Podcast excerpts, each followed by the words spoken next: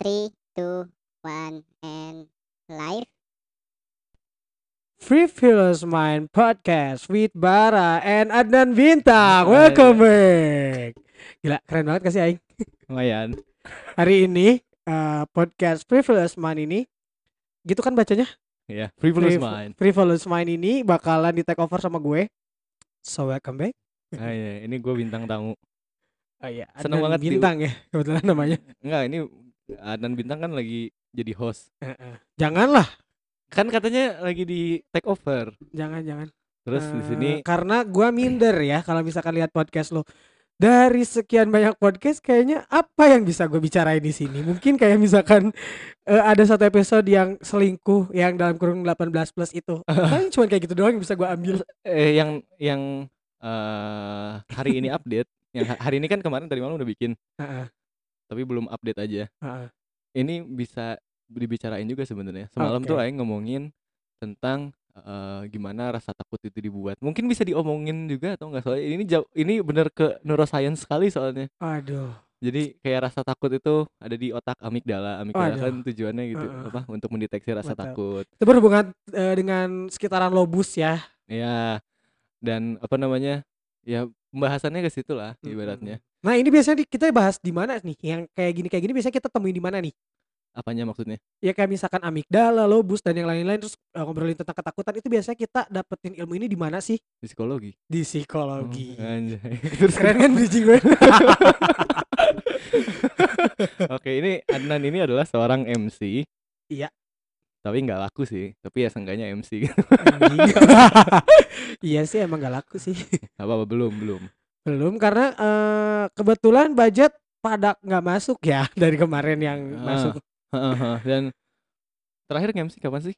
Pas MC. Inau juga. Eh, eh, oh sorry di luar itu saya masih banyak kerjaan MC anjay. sampai 2019 akhir ke sininya nggak ada sih Corona kan? Mm-mm. dan Mm-mm. orang-orang udah tahu MC yang bagus yang mana Iya. Siapa Mm-mm. tuh?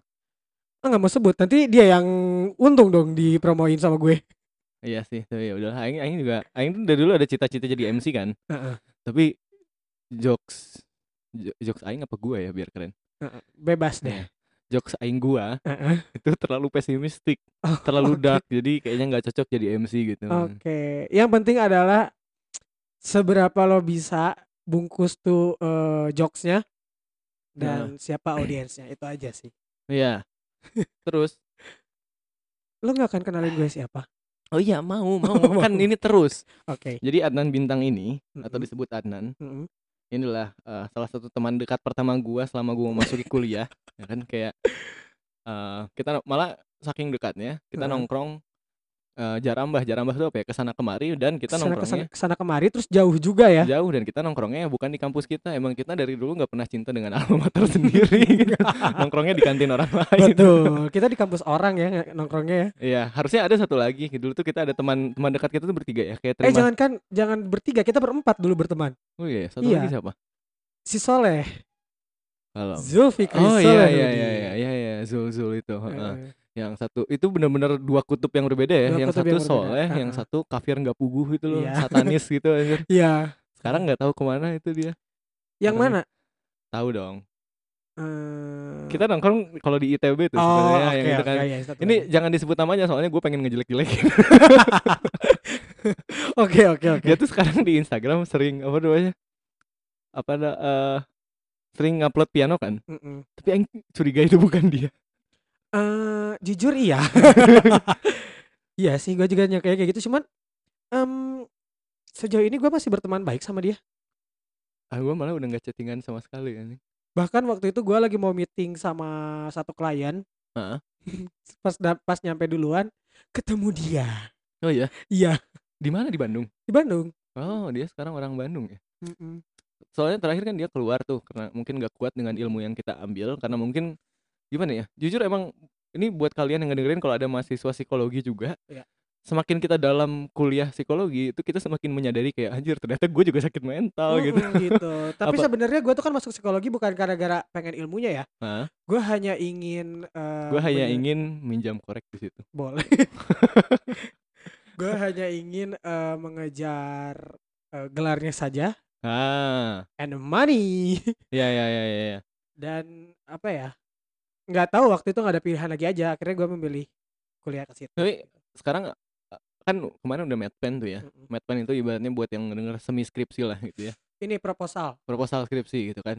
di orang ada yang ada yang dijadiin satu mata kuliah si proposal itu kayak kita heeh. ada juga yang eh, bukan mata kuliah gitu maksudnya kayak itu bisa aja si proposal itu beres dalam waktu 1 sampai tiga bulan akhirnya mereka bisa langsung lanjut skripsi kalau kita kan enggak ya full satu semester kita ngurusin si proposal itu dan selanjutnya kita lanjut ke si skripsi itu gitu.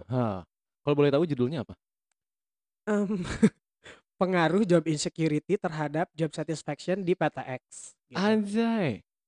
Tadi Gila ya. tadi ini sebelum podcast lu kan bilang mulai tertarik dengan finance ya. Heeh. Kayaknya deskripsinya juga apa mengarah ke situ anjir masalah maksudnya mengarah ke bisnis-bisnisan gitu kan jadinya. iya karena eh, fokus eh, psikologi yang gue ambil ini eh, Oh, Pio berarti ya? Heeh, heeh. psikologi industri dan organisasi yang benar-benar dari beberapa teori yang gua ambil itu berhubungan sama manajemen juga. Jadi Ah, ketika ah, gua ah. cantumin beberapa teori itu masih masuk juga di manajemen gitu. Ya ya ya. Dan pintu ketutup.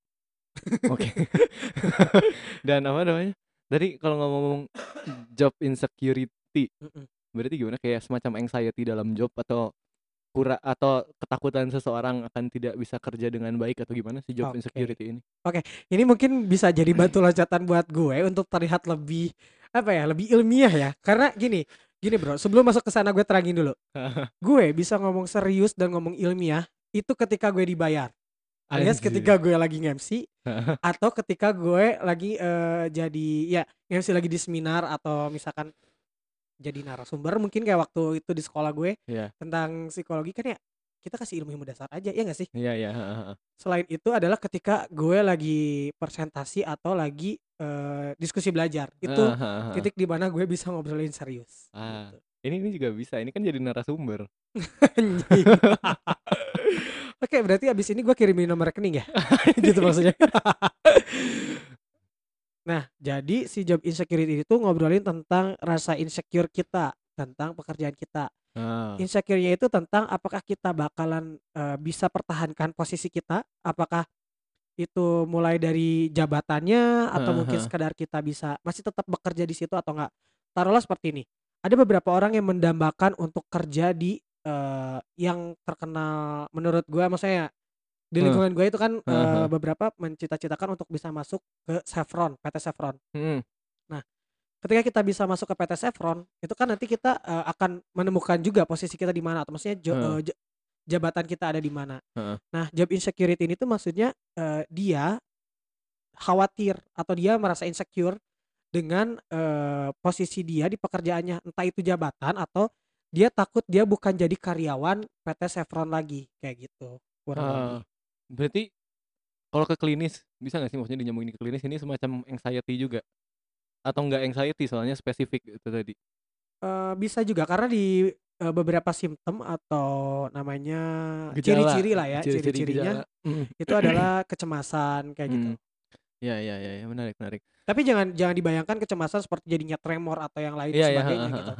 emang ini sebenarnya banyak banyak yang nggak tahu apalagi yang non psikologi ya Mm. bahasa anxiety ini bukan sesuatu yang parah gimana ya anxiety orang normal pun sering kali anxiety gitu cemas Betul, anxiety kan betul. yang yang lebay maksudnya yang bener penyakit atau yang bahaya baru yang disebut disorder ya kan anxiety Betul, disorder itu betul. banyak gitu loh nah ngomong-ngomong tadi tentang skripsi emang sekarang tuh karena kan gua kuliahnya ketinggalan Padahal kita masuk barengan ya.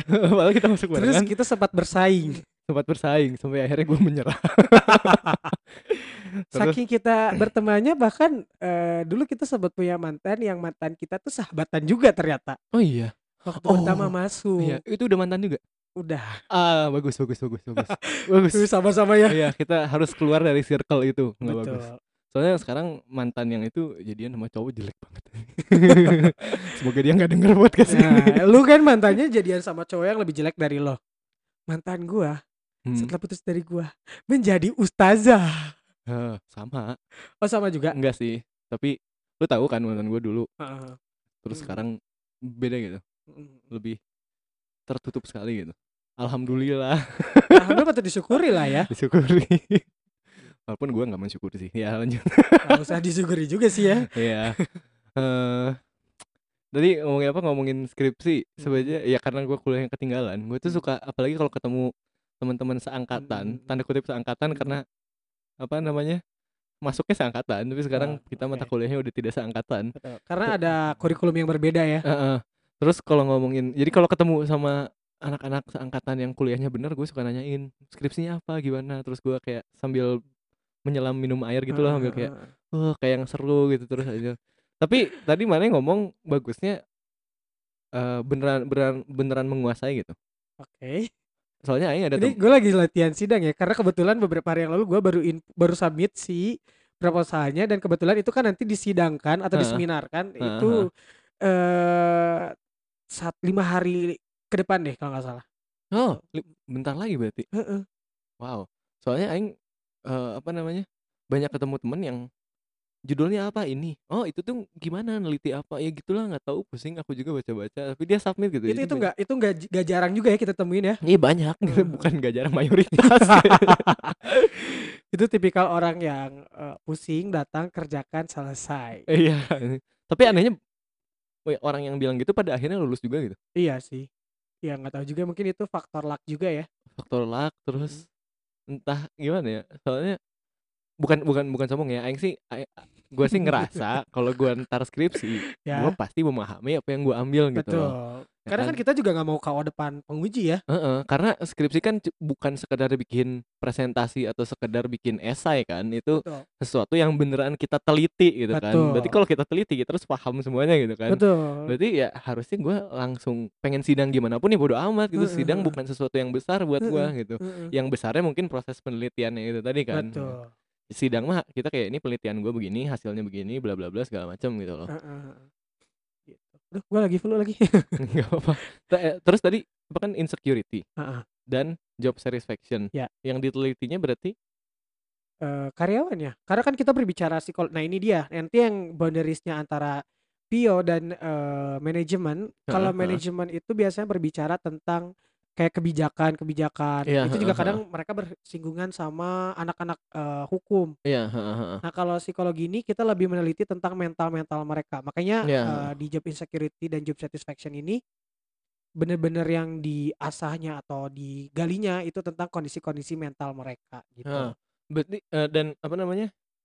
Ujung-ujungnya kalau PIO itu penelitiannya diseba yang disebarkan itu semacam kuesioner ya yang pakai rating scale gitu nggak sih?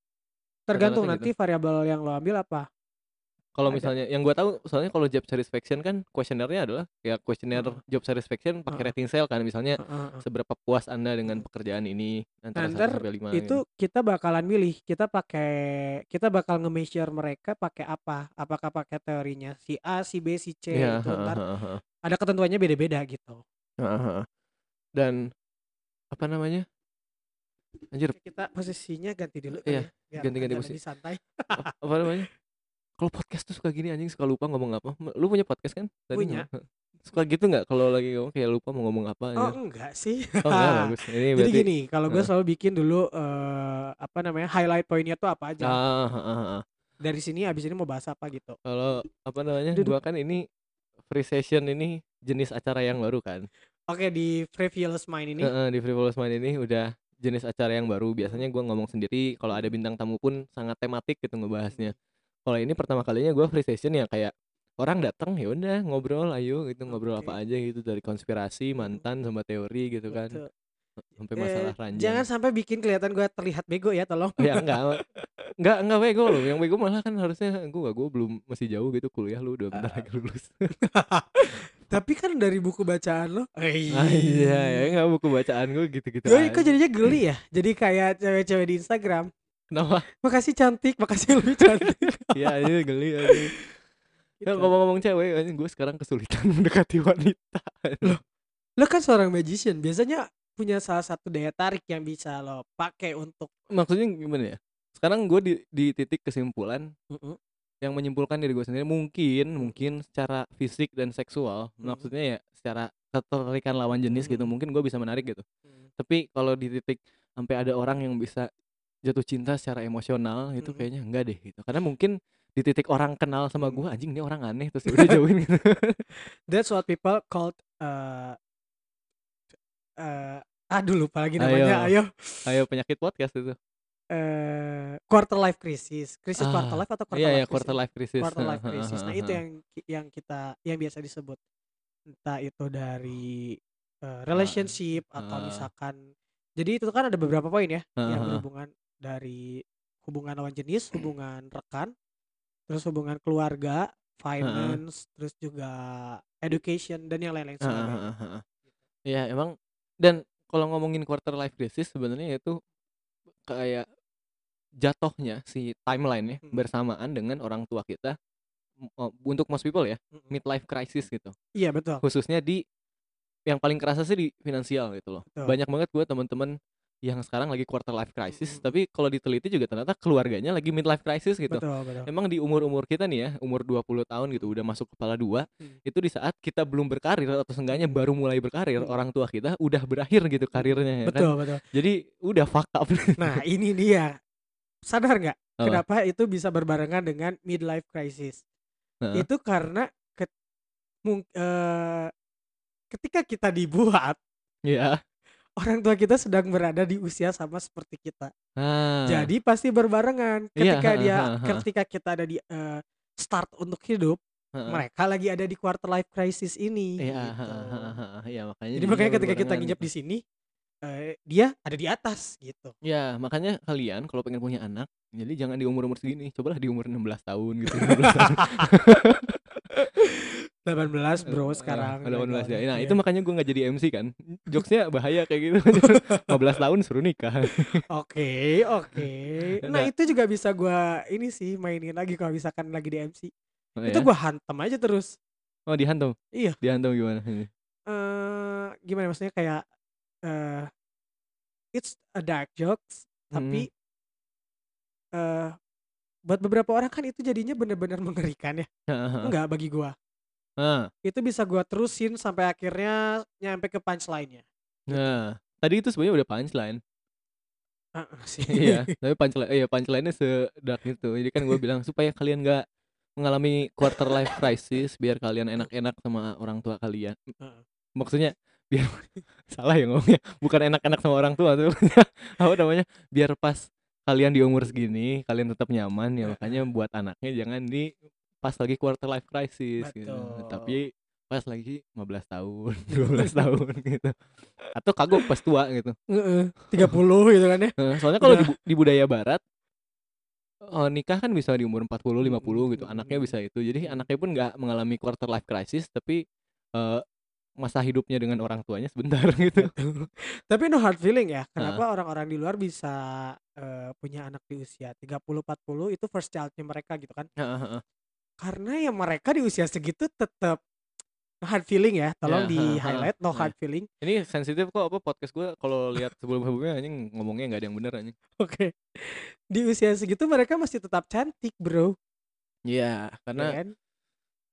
m- ah, masalah budaya juga sih ya. Jadi Iya. emang eh gua kan ada temen Mm-mm, dia orang Inggris mm-mm. Pindah ke Indonesia gitu Ya kan. sorry kan gua temannya di Indo semua nggak ada yang di luar negeri. ya enggak itu kebetulan Oh. doang kebetulan gue nemu oke. satu gue comot gitu kan dia dia orang dia orang Inggris terus sempat curhat ke gue gitu di Ah. sini orang emang apa namanya eh physical awarenessnya physical physical well-being bukan well-being ya physical wellnessnya itu Heeh. awarenessnya kurang banget ya jadi Mm. maksudnya kalau di sana Iya. ternyata kan kita nih banyak nih anak-anak yang emang udah kepala dua atau malah dari SMA yang udah nggak olahraga sama sekali gitu yang Betul, betul. yang kayak ah males lah gue emang orangnya nggak olahraga, Nah, olahraga banget gitu kan Dengan alasan gua orangnya itu biasanya. Nah, sedangkan kata dia, kalau banyak teman-temannya di sana, populasi orang di barat sana itu kayak di umur-umuran segini, banyak yang bilang gua kayaknya gua tuh sangat tidak atletis, gua sangat tidak sporty, tapi mereka itu ke gym seminggu sekali at least gitu Iya. loh. Jadi kayak orang-orang sana yang ngomong gua sangat tidak atletis itu masih tetap olahraga gitu loh. Betul. Sedangkan orang kita yang ngomongnya tidak atletis emang tidak olahraga gitu anjir. Terja eh, lepas dari situ orang Heeh. sana tuh makanannya sayur totalis sayur. Maksudnya kayak mereka makan eh simpelnya gitu ya. Mereka makan salad. Salad itu kan mereka sayuran yang mereka cuman bersihin doang gitu. Habis itu mereka langsung makan. Kalau di sini mungkin beberapa orang memakan sayurnya itu eh, kecuali orang Sunda ya nggak tahu sih sebenarnya orang-orang yang lain apakah sama atau enggak Mhm mhm. Eh, orang Sunda sih kan makannya sayur mentah juga dicolek sama sambal Heeh, itu kan enak ya Iya memang. cuman beberapa beberapa orang dengan beberapa budaya juga mereka memakan sayurnya sampai direbus berjam-jam Heeh, sampai didiemin juga gitu kan heeh. eh itu vitamin bisa hilang gitu Iya, heeh. bahkan bisa jadi racun Racun. Terus oh gini maksud precisionnya ya emang emang sebebas apa pun kayak kita nongkrong aja di kantin gitu Oke, kan oke. ya, bisa bebas lah anjir. Terus apa namanya?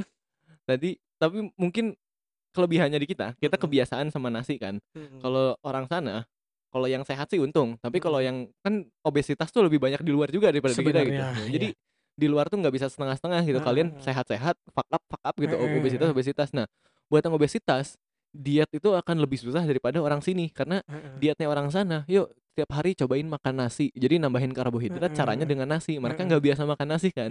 Itu buat mereka lebih sulit gitu. Kalau orang kita kan diet dikasih nasi. Emang di kita tuh udah porsi diet gitu sebenarnya tiap Jangan hari. gitu. salah ketika lebaran kita makan nasi pakai kentang, kentangnya pakai segala bumbu, terus pakai lemaknya juga dan Iya. segala lemak. Iya, pakai kentang terus. Pakai eh, apa namanya? Pakai kentang, pakai nasi, terus apa ya? Pakai mie. Suka ada itu. Tapi jujur mie pakai nasi itu sebenarnya enak juga Ya sih. emang emang, emang enak parah sih. Pakai kerupuk juga kan. Eh, mie nasi kerupuk. Bakso jangan lupa. Tapi gue pernah lihat tuh di warteg ya. Heeh. Orang makan nasi, kentang, sama mie goreng. Aduh, Itu kayak makanan yang sama beda bumbu semua kan. Iya. kandungannya tuh sama semua cuman beda olahannya doang. anjing. Terus kayak ah, ya udahlah gitu. Tapi eh, ngobrolin tentang berat badan dan dan eh, obesitas, gue sempat ada di eh, posisi kelas 3 SMP gue berada di berat badan sekitar 80-an hampir 90 Shit, 85 man. ke atas lah ya. Wow.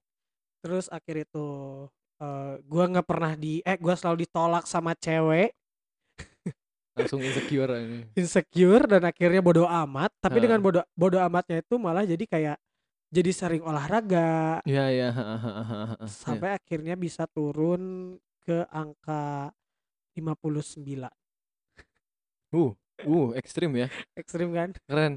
Tapi nah, ini kalau ngomongin obesitas yang eh, buat seenggaknya buat gue ya, gue kurang suka sama orang yang ya udah kamu gendut nggak apa-apa, jangan emang nggak boleh ya kalau body shaming itu nggak boleh. nggak boleh Tapi maksudnya obesitas bukan jangan diduk nggak bukan didukung juga Betul, gitu, ya betul, kan? betul. Kan orang yang suka "Ya udah kamu nggak apa-apa gendut, nggak ada yang salahnya gitu. Fat is beauty itu gue nggak setuju dengan fat is beauty karena orang yang gendut jadi malas-malasan gak olahraga kan. betul justru olahraga apa gendut pun nggak sehat gitu kalian bisa diabetes jantung segala macem gitu jadi ya kalau gendut nggak apa-apa body Heeh. shaming salah gitu Heeh. tapi kamu harus menyegarkan dan menyehatkan badan juga Heeh. gitu bukan karena sebenarnya gue gak, setujunya selain kes- kesehatan yang tadi lo bilang itu karena itu terjadi di eh, keluarga gue banyak yang badannya eh, mereka penganut gak apa-apa gendut yang penting mereka eh, sehat dan segala macam Heeh. iya sehat pada usia muda tapi ketika udah tua tulang kan gak gak kuat tulang-tulang kita udah sedikit gak kuat menopang heeh, heeh. eh, badan kita kan Heeh. gitu akhirnya eh, adalah kejadian kakinya eh, apa jatuh di kamar mandi gitu oh Itu- itu mungkin lebih ke Ke bawah jatuhnya. ke atas anjing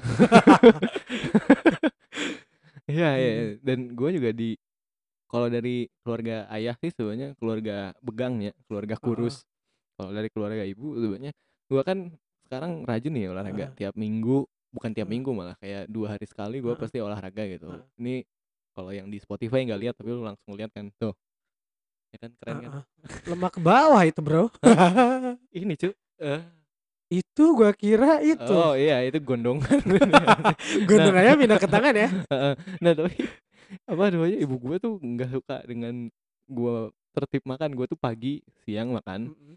Malam itu gue full kalau nggak makan paling eh kacang atau sejenis protein lainnya gitu. Heeh. gue juga ada kayak shake kan. Heeh.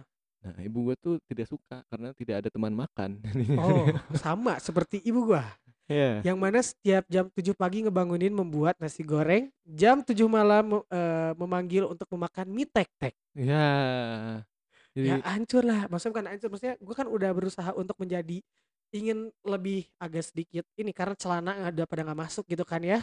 Gue juga nggak bisa afford buat beli celana baru kan ya. Heeh. Jadi lebih baik gue aja yang turunin berat badan. Iya nggak? Iya, heeh. Tapi ternyata ibu gue nggak support. Iya emang. Apalagi di keluarga yang doyan makan kan. Uh. Pasti lu pasti di tipe keluarga yang suka jajan makan ya? Bukan lagi. Yang wisata tuh emang wisata kuliner. Wisata kuliner ya. Mana lagi orang tua gue tuh berasal dari Tasik. Nah, Kulinernya bakso. percis walaupun ibu gua bukan Tasik ya, bukan Tasik ya, Iya. tapi emang suka banget bakso anjing Ih kayak parah ya. yang kayak kalau Ayu tuh ya tipe gua tuh tipe yang kalau cari tempat makan Heeh. itu yang parkirnya enak, tempat Heeh. makannya enak, Heeh. makan makanannya enak itu bonus, yang penting Heeh. layak untuk dimakan. Gua tuh tipe yang kayak gitu, yang penting enak nongkrongnya gitu. Heeh. Kalau ibu gua sampai tempat bakso yang diganggang parkirnya susah setengah mati gitu Iya. mending mending bunuh diri daripada parkir itu tetep dicari gitu gue tuh udah paling udah paling males kalau suruh nganterin ke tempat Iya itu gitu. dia problematika sebagai anak yang suka menemani ibu untuk mencari makan. Ketika kita stop untuk mencari makan yang eh, menurut kita mengganggu proses pembentukan tubuh kita, itu sulit.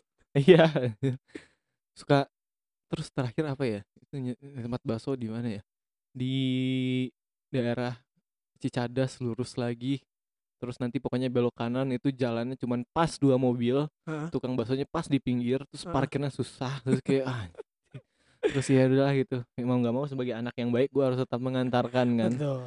begitu tapi ya sekarang sih gue udah di titik eh udah bisa menahan jadi nganter emang nganter doang nggak makan gitu kayak mau nggak? Nggak. Terus sengaja makannya suka di dalam mobil. Aduh nggak bisa nih gue kalau misalkan gini aja ya. Eh gue termasuk orang yang senang nonton MasterChef. Karena ngelihat orang ngelihat orang eh bikin masakan yang susah gitu kan Hmm, hmm, terus hmm. jadi. Itu tuh satisfaction satis Faction. satisfaction menurut gua. Heeh, satisfy. satisfy menurut gua. Itu kan eh, keren ya. Iya, tapi gue juga sih yang nggak bisa nonton MasterChef ganggunya ah itu bisa iya, sampai iya, jadi iya. keringat dingin kalau gua ganggunya nonton MasterChef Berarti mungkin di situ di situ kita beda agama. Soalnya gue bisa nonton makanan enak, gue bisa kayak udah gitu cukup menikmati. Bahkan gue dari dulu gue pengen banget dipijat, tapi sampai sekarang belum kesampaian gitu. Dipijat beneran dipijat gitu, pijat refleksi kepala, Heeh, badan full gitu kan. Heeh. Gue suka nontonin ASMR pijat. Orang India di barber gitu pijat. Terus gue nontonin sampai ketiduran, enaknya kerasa. Nyampe ya nyampe ya. Nyampe terus kayak dipijat kepalanya digoyang-goyang. Yang kayak orang dipijat kepala di barber gimana sih? Terus videonya kan suka sejam dipijat sejam. Anjing enak Eh. banget gitu lihat terus ya udah nonton itu sampai ketiduran anjing. Gue nggak suka lagi dipijat oh nggak suka? Gak suka. Suka mijat nggak? Eh. pijat siapa nih? Pijat Oh. orang tua gue suka sebagai anak yang soleh. Oh ya gue nggak suka sih kalau disuruh mijat. Tapi karena gue nggak suka dipijat juga makanya orang tua gue bilang "Eh, bisa mijat gak sih? Selalu bilang kayak gitu. Karena kan gue juga nggak suka dipijat ya. Jadi kayak nggak tahu gitu rasanya dipijat yang enak tuh kayak gimana sih kenapa gitu. nggak suka? Em, gimana ya? Kayak kayak apa ya kayak aneh gitu dipijat dipe- dipegang-pegang sama orang yang ngerti gak sih? Di abuse. Dicium abis-abisan gitu tuh kayak aneh gitu. Iya iya. Berbeda ya dengan hal yang itu gitu. iya iya iya. Kalau kalau kalau gue dipijat kepala punggung tangan gue masih enak. Tapi dipijat kaki pengen sama siapa pun ya cewek cowok itu emang aneh gitu kan kalau dipijat kaki itu ya emang suka sampai deket-deket pantat kan ke paha atas Oh, gitu iya, juga iya, kan iya, iya. itu awkward tuh anjir apalagi kalau cowok gitu Eh, eh, eh. kayak apa ininya dinaikin ya ya gitu gitu dia pijat sampai paha terus kayak fuck aja geli Oh gue suka sih di daerah kepala ya karena kan gue juga punya sinusitis nih. Jadi heeh. nih. Jadi di bagian tulang pipi biasanya kena pijat atau enggak di bagian ini apa ya sebelah sini? Yang daerah antara mata sama iya telinga. sebelah alis Yang biasanya orang kalau lagi masuk angin tuh olesin fresh care tuh pasti di situ iya biasanya. Nah daerah-daerah iya situ gue dipencet suka. ini ya dipencet eh. itu Aduh itu enak banget sumpah kalau apalagi kalau misalkan kayak lagi pusing banget nih itu enak. Gue tuh sampai ny- pernah sempet nyari tapi nggak nemu anjir helm pijat. Kalau ada gue pengen beli. Emang enak banget dipijat kepala itu anjir kayak kalau ada gue beli anjir. Kenapa nggak beli mesin pijat? Mesin pijat kan punggung, Ya kan Gitu. sama-sama gitu. tapi nggak kepala. Kepala pun kayak belakang doang gitu. Ya sih, cuma bagian leher ya. Heeh, leher terus paling kepala belakang tapi kurang kurang mm, gitu. gue tuh pengen kayak udah-udah ke jidat alis tuh gue suka dicubit-cubit Ih, gini sumpah itu enak banget ya, apalagi kalau kan. misalkan lagi migrain ya. Heeh. bibir dicium juga eh, beda ya bukan Itu tegang ke seluruh badan biasanya. iya gitu. ah gitu sekarang udah ada pacar jadi nggak ada bridging Ada. oh ada Ada. anak kampus kan sih Heeh. oh siapa Ada lah. Aing tahu kan orangnya mana pernah Tahu lah. oh Iya. ada tingkat Iya ada tingkat. oh iya iya kalau kalau Aing ingat-ingat Enggak dia dia nggak kenal sama lu. Hah? Dia nggak kenal lu. ta- tahu nggak tapi Siapa? Dia. Dia nggak nggak tahu. Makanya tadi pas gue bilang ini aku mau pergi nih mau podcast sama si Bara. Hah, Bara siapa? Serius nggak tahu Iya nggak tahu. Nih guys, teman-teman Fabulous Mind. Kita bilangnya teman-teman. iya. Teman-teman Fabulous Mind, Bara ini di kampusnya itu terkenal. Bara Magic disebutnya. tapi itu nggak tahu dia Iya nggak tahu udah. Kenapa dia bisa sampai nggak tahu? berarti gue tidak terkenal Sekarang kayaknya lo nggak nggak terkenal deh. Nah, mungkin karena apa namanya eh eh, Pak Morlo sekarang udah turun kali bar. Mungkin ya Iya. udah udah habis gitu masanya anjir tapi Rambut lo nggak merah, dulu kan merah rambut lo. oh iya bener-bener eye catchy banget kan Betul. dilewat langsung pretty woman oh kalau ini pretty man gitu tapi mungkin kalau dulu ya kalau dulu tuh gue bener-bener kelihatan lah bedanya kalau dulu tuh gue bener ada orang gue sapa gue itu kan makin sini makin males aja terus kayak saking saking saking seringnya paknya, inget gak kita di tengah jalan. Hah? Jadi kampus kita di seberang itu kan ada Indomart. Kita sapa-sapaan dulu di tengah. Di tengah jalan yang Oh, lagi iya. crowded. Adnan Bara. Gak jelas sisanya. asli Dan tapi kenapa waktu itu kita diem lagi? asli kayak orang tolol Bayangin kita ketemu papasan di tengah jalan, Bara manggil gue, gue manggil Bara, kita salaman, terus lihat-lihatan terus diem. kayak di film-film banget anjing Iya. tapi seru aja pertemanan kita tuh ya maksudnya semenjak semester pertama kan udah punya kesibukan masing-masing gitu ya Heeh. nggak kita juga nggak chat nggak apa gitu Mm. tapi kalau ketemu tuh selalu lucu gitu Iya. kayak, Karena sebenarnya mungkin kita ini ya jokesnya beda kali ya. ya mungkin ya jokesnya beda agama itu Beda agama. ya jadi apa dari dulu juga anehnya gitu anjing gua gua tuh maksudnya sering banget ini apa terutama sama lu gitu khususnya anjing Hmm. kayak emang Karena temen lu kan cuman gua di kampus. Gak ada lagi. anjing heeh, sedih ya goblok Sampai nyalonin mau jadi ketua angkatan lagi. Ngapain lo? Sengganya suara ketiga Oke. dari 10 kan Betul. ada tuh yang terakhir cuma dua suara Temen kita juga kan? iya itu Ma, iya yang fuck up Mana gue sama temenan lagi sebelum masuk kampus. iya iya, tapi emang dia mengambil hatinya pintar Iya sih. sebelum wak- waktu masih kan lagi zaman ya apalagi dimulai dari ada tukang bakso mau. Gimana gue? Kan tadi kita udah ngobrolin, kita lagi stop baso. oh iya lagi sama bakso. Gimana gimana? apa sebelum masuk kan zaman sekarang pasti bikin grupnya dulu kan. Nih kita psikologi nih belum masuk kayak apa namanya bikin grup-grupan terus bikin gathering dulu. Kayaknya udah musim gitu anak zaman sekarang gitu kan. Dia itu kan dulu yang paling aktif gitu Betul. kan gua itu sebenarnya Dia niatnya alpanya gitu loh. iya alpha male banget gitu anjir. kalau sekarang submisif sekali dia tuh bener-bener dulu alpha gitu gua tuh sebenarnya niatnya waktu masuk gua nggak pengen aktif gitu pengen pengen nggak ada yang tahu gua gitu tapi dulu kan emang pakai line itu juga bisa apa maksudnya eh, io io yang suka manggil gua kan lewat line juga Hmm. WhatsApp juga malah zaman dulu lebih banyak line daripada Heeh. WhatsApp Heeh. jadi otomatis profil gua di line kan bener-bener harus self marketing banget ya. Tuh. foto sulap terus tulisan magician tarot reader. Iya, iya. ya udah gitu nggak bisa diganti. Masa diganti tiba-tiba jadi nama NPM kan jadi nomor mahasiswa kan kayak nanti io io yang suka nyewa gua kayak ini siapa? Gitu kan. Ya udah gua masuk grup itu dengan niatan anjir semoga nggak ada yang notice. Si Fanny ya langsung anjing. Heeh. gue masih ingat itu kayak magician mbak E gitu terus di situ. Terus gathering pertama gue suruh sulap anjir. Dan harus lo tahu, pada saat itu gue adalah orang yang skeptis sama lo. Eh bukan skeptis, maksudnya kayak apaan sih nih orang sosokan banget jadi anak ini anak anak magician. Nah, anak magician sobat skeptis eh pas masuk malah temenan lagi. Gue tuh banyak berteman sama yang awalnya membenci gue dan banyak musuhan sama orang yang awalnya menyukai gue Kayaknya itu fase fase nanti mungkin teman-teman dari sini kan nih kebetulan sekarang lagi mau masuk ke ini ya yang fase-fase yang lulus lagi cari kerja, yang SMA mau masuk kuliah kan. Heeh heeh heeh. Kayaknya mereka bakalan merasakan fase-fase itu deh kayaknya nanti. Iya iya iya, heeh. Kalian tuh gimana ya, masuk buat buat mayoritas orang sebenarnya. Ada sih orang yang ke lingkungan baru itu anxiety kan, ada aja Heeh. gitu.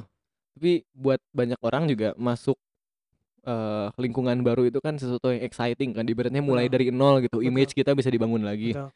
Itu pasti akan sebuah fase yang mengasihkan gitu kan, kayak, Betul. "Wah, teman baru gue bisa membuat image gue seperti ini," gitu. Tapi Eh. pada akhirnya kayak ya pasti begitu aja fasenya kayak, "Wah, ternyata temennya rame-rame," tapi ya udah akhirnya cuman 1, 2 orang doang gitu yang Iya, beneran emang. gitu. Sampai akhirnya gue ditinggalin eee, bara ikut angkatan bawah, teman-teman gua lebih maju. Lu bukan ditinggalin sih, gua yang tertinggal gitu. Iya sih ya. Tapi gua on the track, teman-teman gua lebih fast track Iya daripada iya. gua. Jadi akhirnya mereka ngerjain apa, gue tuh belum sampai ke sana. Akhirnya ya gimana ya jadinya ya mau FOMO juga nggak masuk gitu. Mau apa? FOMO. Fear of missing out? Heeh. Ah, heeh heeh. FOMO juga gua nggak masuk juga gitu ke arah-arah mereka. Gitu. Jadinya ya ya udahlah gitu sekarang lebih ke live your life. Iya, mungkin yang gue lihat ya, Mhm. khususnya angkatan yang udah mau skripsi kayak gini Mhm. emang temannya jadi makin dikit gitu, kayak Iya. ujung-ujungnya ya udah gitu, lulus mah ternyata harus usaha sendiri gitu, nggak bisa nggak bisa ada kerjasamanya gitu. Ya emang ketika lo masih masuk ke mata kuliah, itu lo bisa kerjasama bareng sama yang lain. Heeh heeh. Tapi ketika sudah di penghujung usia, itu berbeda lagi ceritanya, Bro. Iya, heeh heeh heeh. Udah udah akhirnya lo harus menemukan teman yang akhirnya bisa suportif dengan, eee, kondisi lo saat ini, kayak gitu. Iya heeh. sih? Iya. Kalau mungkin, eee, di titik gua yang masih banyak yang ngulang ya, yang ngikut sama bawah-bawah yang sangat irinya gua ngelihat angkatan yang bawah-bawah gitu, mereka kan masih sekelas gitu, Heeh terus gua heeh. terus kalau anjir, kalau dulu gua bener gitu kuliahnya, pasti gua nggak akan sesedih ini. Soalnya kalau angkatan, eee, yang ngulang kayak gua, Heeh. kayak kan kalau di kampus kita kan ada nih anak-anak yang ngulang angkatan 2016 yang ngulang itu disebutnya angkatan konversi kan, Mhm. kayak Karena kayak emang mereka dikonversi ke kurikulum yang baru. Heeh, jadi gua tuh ngulang, kar tapi karena angkatan bawah gua kurikulumnya udah beda, jadi Heeh. gua nggak akan bisa ikut lagi sama angkatan 2016 karena kurikulumnya sudah berganti. Makanya disebut dengan, eee, grup konversi ini. Betul. Grup konversi ini ikut ke bawah dengan kurikulum yang beda, nanti kita lulus dengan kurikulum yang beda juga. Nah, anak-anak konversi Mhm. itu hampir dibilang mayoritas, hampir semuanya udah kehilangan motivasi, tapi keluar juga enggak gitu. Mereka udah di fase ini kali ya, mereka mau cabut udah terlalu lama kuliah, mau mereka lanjut juga, tapi mereka nggak ada teman satu perjuangan, maksudnya yang yang bisa memotivasi mereka gitu kan ya. Iya. So Dan, eee, yang terakhir mereka juga minder sama teman angkatan yang mereka on the track gitu. Iya iya, kalau kalau bilang minder jujur gua pun sering kayak ngelihat, anjir minder gitu gua gua Mhm. kan itu, tapi gua ya udah pada akhirnya gimana ya, gua harus fight kan, tapi, Betul. eee, apa namanya, gua bukan tipe orang yang pintar memotivasi orang, jadi, Heeh. eee, ada sih konversi yang deket sama gua 1, 2 orang Heeh. itu, tapi jatuhnya jadi ngikut gua. Oh, Ngikut gua tuh oke. bukan karena, "Ayo kalian bisa," tapi Heeh. ngikut karena gua tuh yang tipe emang yang sekarang jadi fight gitu, yang Heeh belajar heeh bener-bener heeh try hard. Ya mereka pengen try hard nggak ada temen lagi, udah ngikut gua gitu kan jadinya. Dan sisanya, gua tuh nggak bisa bukan tipe yang ngeranggul orang datang, "Kenapa kuliahnya nggak bener? Yuk kita kuliah bareng." Gua tuh bukan tipe yang motivasi kayak gitu, jadinya ya udah Tapi itu bisa jadi salah satu langkah positif menurut gua, akhi sampai akhirnya lo bisa nge-influence teman-teman lo yang yang tadinya nggak punya motivasi untuk fight back, akhirnya mereka bisa, "Yuk kita bareng ba yuk gua mau pengen ikut sama lo nih, gue juga sama-sama pengen, eee, nyampe nih ke tujuan kita," Heeh gitu. Menurut gue itu udah salah satu good influence. Anjay, biar Anjay. Nggak punya kan lo efek itu? Ada, ini nih. A major. Eh salah. Ini. Nah, itu. Nih kayaknya di podcast gue kayaknya harus punya yang kayak beginian nih. Podcast gue tuh si apa namanya, sound card-nya ini cuman sekedar untuk bisa nge-play dan ganti suara doang. Oh, ya sebenarnya itu juga cukup sih sebenarnya, ini Cukup juga ya? gimmick nggak jelas. Iya, dan apa namanya, tapi mungkin sempet sih ada semester kemarin yang mau coba ikut sama gua, ikut maksudnya ikut Heeh. nimbrung, belajar segala macem. Tapi mungkin dia syok karena gua udah emang gue dari titik sangat tidak melakukan apa-apa Heeh. sampai melakukan semuanya itu kan gue struggling sendiri Heeh, gitu heeh, kan dan fasenya emang seberat itu kan seberat dan sesulit itu tapi sekarang gue udah di, udah di titik Nah ini udah berarti lu udah jadi influencer karena lu udah pakai sebe- kata seberat itu. anjir tai enggak enggak Tinggal lo pakai kata seenak itu. ah, gimana seenak itu Influencer kan ka- kosakatanya itu doang biasanya. oh iya Enak banget nih pokoknya seenak itu. oh itu kalau makan ini ada makanan nih silahkan dimakan eh ini gue dikasih teh pucuk sama Adnan gue cobain ya teh pucuknya Hmm, gila seseger itu loh. Hmm. uh. Aduh, emang separah itu sih enaknya aduh sumpah. seger itu apalagi panas-panas gini Bandung kan sekarang udah jarang hujan ya Mm-mm. kalian minum teh pucuk kayaknya enak Si anjing banget. lanjut lagi. episode ini disponsori oleh teh pucuk Wede. anda haus Aduh, gua gak masuk lagi di sebelah mana ini. Teh pucuk harum menyegarkan. anjay iya tapi apa udah gua sampai di titik ini Hah? orang semester kemarin ada yang pengen coba ikut kan maksudnya ikut jadi ayo belajar bareng mungkin dia shocknya karena kalau dia ikut gua di titik maksudnya gua masih baru memulai mungkin gak akan shock sekarang gua sekarang tuh gua di titik kayak setiap ada semester baru Heeh. gua selalu ngeset jadwal sampai akhir semester Oh, jadi oke. sampai per minggunya ada tugas apa nih gue kasih jadwal segini segini segini segini jadi Heeh. kalau eh, ada tugas segala macem gue tuh nggak bisa diundur nggak bisa di Oh. delay jadi ngerjain ini yuk ayo hari ini jam segini gitu habis gitu gue Oh. nggak akan ngerjain lagi karena udah beresin di situ jadi Heeh, kayak heeh, heeh. mungkin buat mereka terlalu terjadwal gitu Oh, oke. Masih kaget mungkin ya untuk ngikutin cara kayak gitu. Heeh, gitu jujur gue pun sampai sekarang kan nggak nggak langsung dari kemarin gak ngapa-ngapain terus besoknya gue bikin jadwal terus langsung teratur selamanya kan enggak kan emang emang fasenya tuh lama gitu sampai gue di titik Iya. semuanya harus diatur gitu ya buat orang yang baru join pasti langsung kaget fuck anjing hidupnya kayak IO tapi 24 jam gitu pakai pakai rundown semua Iya anjing. Aduh, biasanya orang disebutnya kayak gitu strict banget sih. iya sih ai- tapi striknya aing jadi pasti selalu ada satu hari yang Hmm. aing bebasin tapi bebasin ini nggak spontan juga sih misalnya hari Hmm. ini aing nongkrong di sini sisanya kosong aing diem di rumah tapi Hmm. di situ nggak bisa misalnya ada teman ngajakin Hmm. ke sini yuk gue pasti nggak mau Karena karena ngikutin hari itu sudah dijadwalkan kosong sekosong mungkin jadi Hmm. kalau ada acara spontan nggak bisa Hmm. sebenarnya gue bisa kalau diajak ngopi segala macem gitu diajak main ke sana kemari bisa ada tapi waktu juga ya sebenarnya. ada waktu tapi kalau ngajakinnya ayo sekarang pasti gue nggak bisa gitu Oke. walaupun misalnya sekarang kan kita lagi nyantai nih ya hari ini Mm. gue kosong nih ya Mm. tapi sore ada yang ngajakin bar ke sini yuk nggak bisa karena nggak udah mau. janjian kan. karena ada janjian misalnya lu udah pulang pun Heeh. rumah ini kosong gue nggak ngapa-ngapain gue tetap akan bilang nggak bisa karena Oke. hari ini gue sudah jadwalkan kosong gitu Oke. aja jadi kalau iya mau kalau mau kapan nanti kalau udah jadwalin gue taruh di situ Wah, gue sih nggak sih nggak bisa ya, sih nggak bisa di- menolak ajakan ya.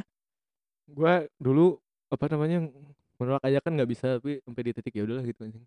Mungkin lebih ke mungkin itu kenapa gue gak punya temen Iya anjing. ah si Barat tiap diajakin susah terus nih.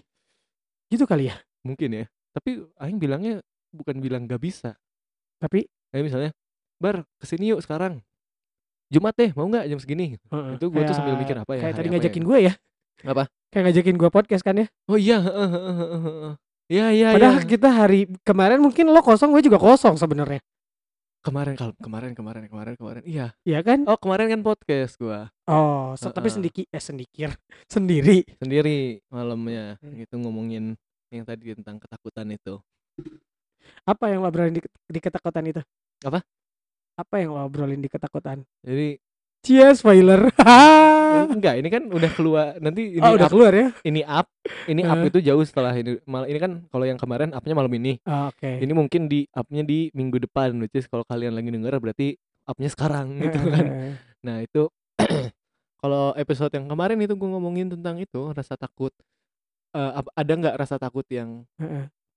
Paling menakutkan buat semua orang secara objektif kan kalau sekarang rasa takut subjektif dong ada nggak sih rasa takut yang semua orang itu setuju ini menakutkan gitu ya ngebahas itu sih kalau kalian Eh belum- menarik juga kalau diambil tuh. Apa? Emang menurut lo yang paling menakutkan semua orang itu apa? itu pembahasannya panjang ya Panjang. panjang. satu aja misalnya kayak wah covid ini emang menakutkan semua orang gitu. Eh, enggak sih kalau kalau Selain neraka ya. Anjay. kalau kalau apa namanya di episode- Kebetulan lu kan salah satu resepsionis neraka kan ya? Eh, enggak sih gua udah Marketing. book kamar di situ udah ada udah book. kenal orang dalam lah gitu Oke. jadi pas mati buka mata terus masuk neraka. Oh, eh Pak Bara ini di sini. ya. Lo pakai kayak kayak lagi naik pesawat pakai bisnis class ya, dijemput. Iya, tapi syaiton. Nah, ini yang sering kita pakai ketika kita waktu berkenalan dulu. oh iya ya. heeh, heeh. Kita ngobrolinnya nggak jauh, nggak jauh eh, kita tuh nggak jauh-jauh dari neraka, tapi kita juga nggak ibadah-ibadah. Nah, iya gitu. Ya udahlah gitu. Gue orangnya emang gimana ya? Kayak lagu siapa ya yang tak layak di surga apa? Ada Eh, aduh anjing lagu apa sih? lagu ini ya lagu religi gitu ya. Suka ada tuh kalau misalkan kita puter radio pagi-pagi setelah ceramah biasanya. Kayak tak layak di surga tapi takut dengan nerakamu apa sih? Gitu lah liriknya aing lupa. Nah, itu. Tadi lagi ngomongin apa bangsa? Gua kan si ini si nyampah biar orang yang nyapu. gue lupa aja mau ngomong apa tadi lagi ngomongin apa sih anjing neraka neraka. oh yang ditakutin. Oh iya, kalau dari apa namanya yang di podcast gue semalam sih pada akhirnya yang ditakutin itu adalah yang bisa nge-trigger otak dalam kita dan otak dalam tuh jadi cerita singkatnya ada satu orang Ya. namanya pasien SM. Oke. Dia itu lahir tanpa amigdala atau amigdalanya sangat kecil, hampir nggak ada gitu amigdalanya Mm-mm, kelainan kan. mm-mm. Nah si pasien ini selama hidupnya nggak pernah menunjukkan tanda-tanda ketakutan. Ya. Diteliti kan sama si apa banyak peneliti Heeh. Diliatin ular, diliatin bahaya langsung gitu sampai film horor segala macam dia tuh tidak menunjukkan rasa-rasa takut gitu kan kayak ditempelin apalah di dadanya yang detak jantung segala macam enggak dia sama sekali nggak takut. Nah sampai di satu titik dia di eksperimennya dimasukin ke tabung Heeh. terus di tabung itu oksigennya dikurangin terus disemprot karbon dioksida Oh gitu kayaknya loh. gue tahu deh itu. jadi kayak ngap-ngapan gitu. Nah itu untuk pertama kalinya si pasien SM ini mengalami panic attack yang selama hidupnya dia nggak pernah Oke, panik. iya, iya. nah tapi ternyata pas pasien SM ini di uji yang sama itu tadi dimasukin tabung dibarengin sama orang-orang lainnya yang keadaan otaknya normal Ya. orang-orang lainnya tidak menunjukkan rasa takut yang setinggi si SM ini orang-orang lain Oke. biasa nah terus Oke. diambil kesimpulan kenapa karena orang-orang lain Ya. amigdalanya kan berfungsi Heeh, amigdala itu jadi untuk mendeteksi bahaya dari dunia Oke. luar yang bisa kita observasi kan Nah, orang-orang normal ngelihatnya emang ini kan gue di eksperimen, gue pasti aman, nggak akan mati. Ini udah dikontrol situasinya.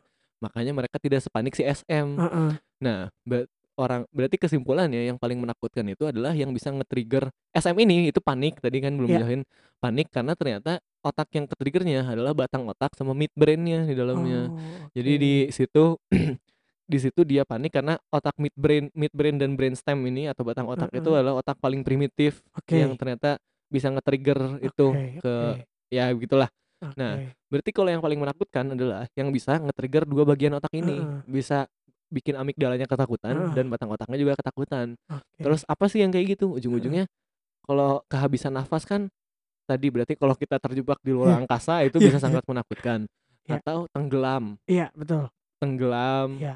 Terus Kekunci di mobil ya dengan dengan mat, eh, mesin mati. mesin mati ah, dan apalagi yang serem kekunci di mobil terus mobilnya tenggelam di laut terus pelan-pelan airnya Heeh. masuk mobil itu Killing mungkin me softly ya. Heeh. Killing me softly. anjing. Pas lagi anjing otaknya anjing. Sinkron goblok anjing. ya begitu jadi intinya. Kalau kalian kepo pengen dengerin bisa lanjut. Oke, Ke- bersama Dokter Bara di Previlius Ma. Goblok dokter bara anjing. Terus di episode itu gue juga ngasih buat yang takut fobia pakai systematic desensitization pernah tahu nggak? Eh, nggak tahu tuh apaan? Itu yang buat ngilangin fobia systematic desensitization. Yang gimana tuh? Jadi ada tahap relaksasi Heeh. terus bikin hierarki rasa takut. Oh itu. Nah, yang itu, Jadi gini. Bar, gua tuh sebenarnya kalau misalkan lo bilang eh tekniknya itu kayak gimana, Hahaha. itu gua bisa bisa bisa tahu atau bisa oh iya gua tahu itu gitu. Tapi kalau orang bilang se- namanya eh, eh, gitu. namanya itu gua adalah si susah untuk mengingat. Oh, mungkin kalau gue tipe yang gue nggak tahu semuanya, tapi Heeh. kalau tahu tahu gitu. Jadi mungkin Oh, kalau lu oke. ngomongin kita recall nih ya pelajaran kita selama kuliah, heeh.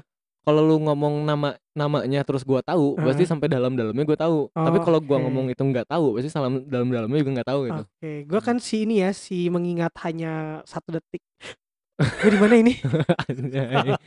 Ingat hanya satu detik. That's why gua sebenarnya sekarang lagi mengkons- mengkonsumsi ginkgo biloba. Apa itu? Kayak sebenarnya itu obat buat oksigen biar ke otaknya lebih lancar ya karena kan beberapa orang yang susah untuk mengingat itu gara-gara oksigennya Ya, eh, heeh. itu ya rendah gitu Heeh, kadar kadar oksigennya. oksigennya kurang ke otak gitu nggak lancar ibaratnya. Heeh. Nah, kayaknya eh, akhir-akhir ini gue akhirnya memutuskan daripada gue selalu lupa dengan opinion-opinion yang udah gue buat Heeh, heeh. dan juga pembelajaran-pembelajaran yang sudah gue dalami, Heeh. akhirnya gue memutuskan untuk mengkonsumsi mengkonsumsi suplemen. Ah, ya ya menarik menarik menarik. Ginkgo biloba. Hanya dengan tiga ribu rupiah. Enggak ya? Ya? anjing. Berapa itu? Dua ratus lima puluh ribu. Oh, Aduh, hanya dengan dua ratus ribu rupiah Anda tidak akan pikun. Halo Meme. halo. Eh, Kucingnya Meme bagus ya. kucing. Oh, gue juga ini sih punya cat hotel di rumah. Cat hotel, kucing Ya. hotel. Enggak anjing. Maksudnya gimana? Maksudnya ketika lo mau mudik terus kucing lo nggak ada yang jaga. Oh. Itu bisa titipin ke gua terus Iya iya iya. sama mandiin kucing di Karasak ya? di Inhofe Tank sekarang. Oh, in Tank. Bukan di Karasak. Kemarin di Karasak baru kehilangan motor. oh. Rumahnya Teh Indri di Kundri, di Kurdi. Di. Kurdi. Saya Heeh. tahu. Eh. Kebetulan dia tetangga juga. Oh. Betul. Apakah teman-teman Fabio Osman tahu? Tidak. Ya, mungkin nggak tahu. Iya. Apakah Betul. mereka peduli? Tidak. Teh Indri itu temennya Mamski. Serius? Serius. Wow. Jadi dulu pas Mamski masih kerja, Teh Indri dosen ya guys? Ya Teh Indri itu dosen. Dan waktu masih kerja, suaminya itu eh kerja lah teman kerjanya Inu. Aing. Terus eh ibu gua kan tipe yang kayak pengen temennya cewek cowok pasti kenal sama sisi keluarganya kan. Ya kenal lah dari situ mulai pas gue zaman dari zaman SMP kali. Kenal sama Teh Indri. Emang dari zaman SMP tuh suka Teh Indri ke sini saling curhat gitu lah rumpi-rumpi. Pas kuliah Rumpi rumpi anjing. pas kuliah eh dosen. gitu Terus sempat dapat nilai jelek gak tuh sama Teh Indri? enggak Oh, untungnya enggak Untungnya enggak. bukan karena kolusi kolusi dan nepotipse Betul, ya betul, nepotipse betul. Aduh, tuh kan Apa? gue akhirnya jadi teringat lagi satu kata Apa? nepotisme jadi kemarin tuh gue tuh lagi ngebahasin tentang eh, di tongkrongan eh, teman-teman gue Heeh. ngobrolin tentang nepotisme itu Heeh. gue tuh udah berpikir wah itu udah sampai keringet dingin berpikir Nah. gue tuh nggak tahu namanya apa. Oh. Bukan nggak tahu maksudnya apa ya itu namanya? Pokoknya si eh, skema secara teknik tuh kayak gitu gitu. Nepotisme cuman gua tuh mikir apa gitu. Nah sampai segitunya gua tuh saking saking mudah lupanya gitu. Ya ya ya ya ya ya, ya.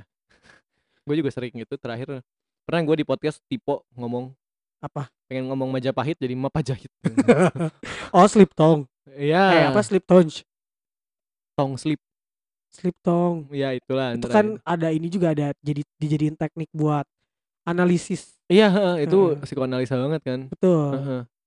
dan itu. Jangan salah saya sering waktu kalau lagi MC oh iya ya iya waktu itu eh, nge-MC World Cup World Cup 2000 terakhir berapa sih? 2018 ya? Hmm. eh, harusnya pertandingan Kroasia melawan apa ya Mesir gitu kalau nggak salah. Gue malah bilang Rusia melawan Mesir. untung di nikah di nikahan itu bahaya kalau selong tip gitu Betul. jadi kayak eh, selamat untuk mantan saya menikah eh maksud saya gitu Bahkan gue tuh tadi eh kemarin-kemarin tuh baca di Twitter ada satu penghulu di sat- salah satu kota. Kayaknya mereka divorce. Akhirnya si mantan istrinya itu dipenghulukan oleh mantan suaminya. wow itu apa namanya si beban mental Beban mentalnya. penghulunya aduh. Sebenarnya bukan beban mental melihat ceweknya senang sama orang lain ya. Lebih si teman-temannya anjing aja gitu yang biasanya suka jadi kayak cie nikahin mantan. iya ya goblok ya. Itu yang bikin orang-orang merasa jadi semakin wah kayaknya gak akan datang nih datang ke nikahan mantan itu. gue gitu jadi kepikiran kalau mantan gue nikah Kalau gue sih sebenarnya udah beberapa ya yang mantan gue nikah. pertama pertama pertanyaan pertama adalah apakah gue diundang apakah gue akan mendapat undangan Betul. pertanyaan kedua adalah ketika emang gue diundang apakah gue akan datang Idih. itu, itu kayak dilema Gue tuh sampai ada satu di fase eh gue tuh sampai ada di satu fase Hmm. eh dia mau nikah dia minta gue yang jadi MC-nya. Uh, Wow. Di satu city, ya di satu city itu kan. gue tuh orangnya sleep tones banget. di satu city Terus itu gue tuh thinking out loud juga ya. anjay Thinking out loud. nggak mau lu makan aja sendiri jadi eh, dia tuh minta gua nikahin eh gua kan gua nikahin tuh kan Nih minta dia minta gua jadi MC di nikahan dia- satu sisi ya cuan sih Ya. di satu sisinya lagi eh, banyak juga teman-temannya yang tahu kalau gua adalah mantan dia Nah, itu kan gak enak gitu jadi akhirnya enggak enggak ya, ya akhirnya gue jadi tamu aja deh di sana gitu gue juga kayaknya sakit hati kalau ada mantan gue nikah. Ber sulap yuk di nikahan aku. Oh, fuck aja no. Gue sulapin calon suami kamu hilang. atau kan dihipnotis sebenarnya aku gay nggak Saat apa-apa anda- ya nggak nah, apa-apa ya nggak Saat apa-apa anda bangun anda jadi gay. Taunya gaynya sama gue. jadi teman jadinya suka sama maneh lagi iya anjir. Orang pertama yang anda lihat saat membuka mata akan anda akan suka. Pas buka mata langsung lihat gue. Fuck. Cinta mati. Beda nikah. Jadi mantan gue yang nikahin gue sama iya suaminya. beli satu dapat satu ya jadinya iya anjir. Iya.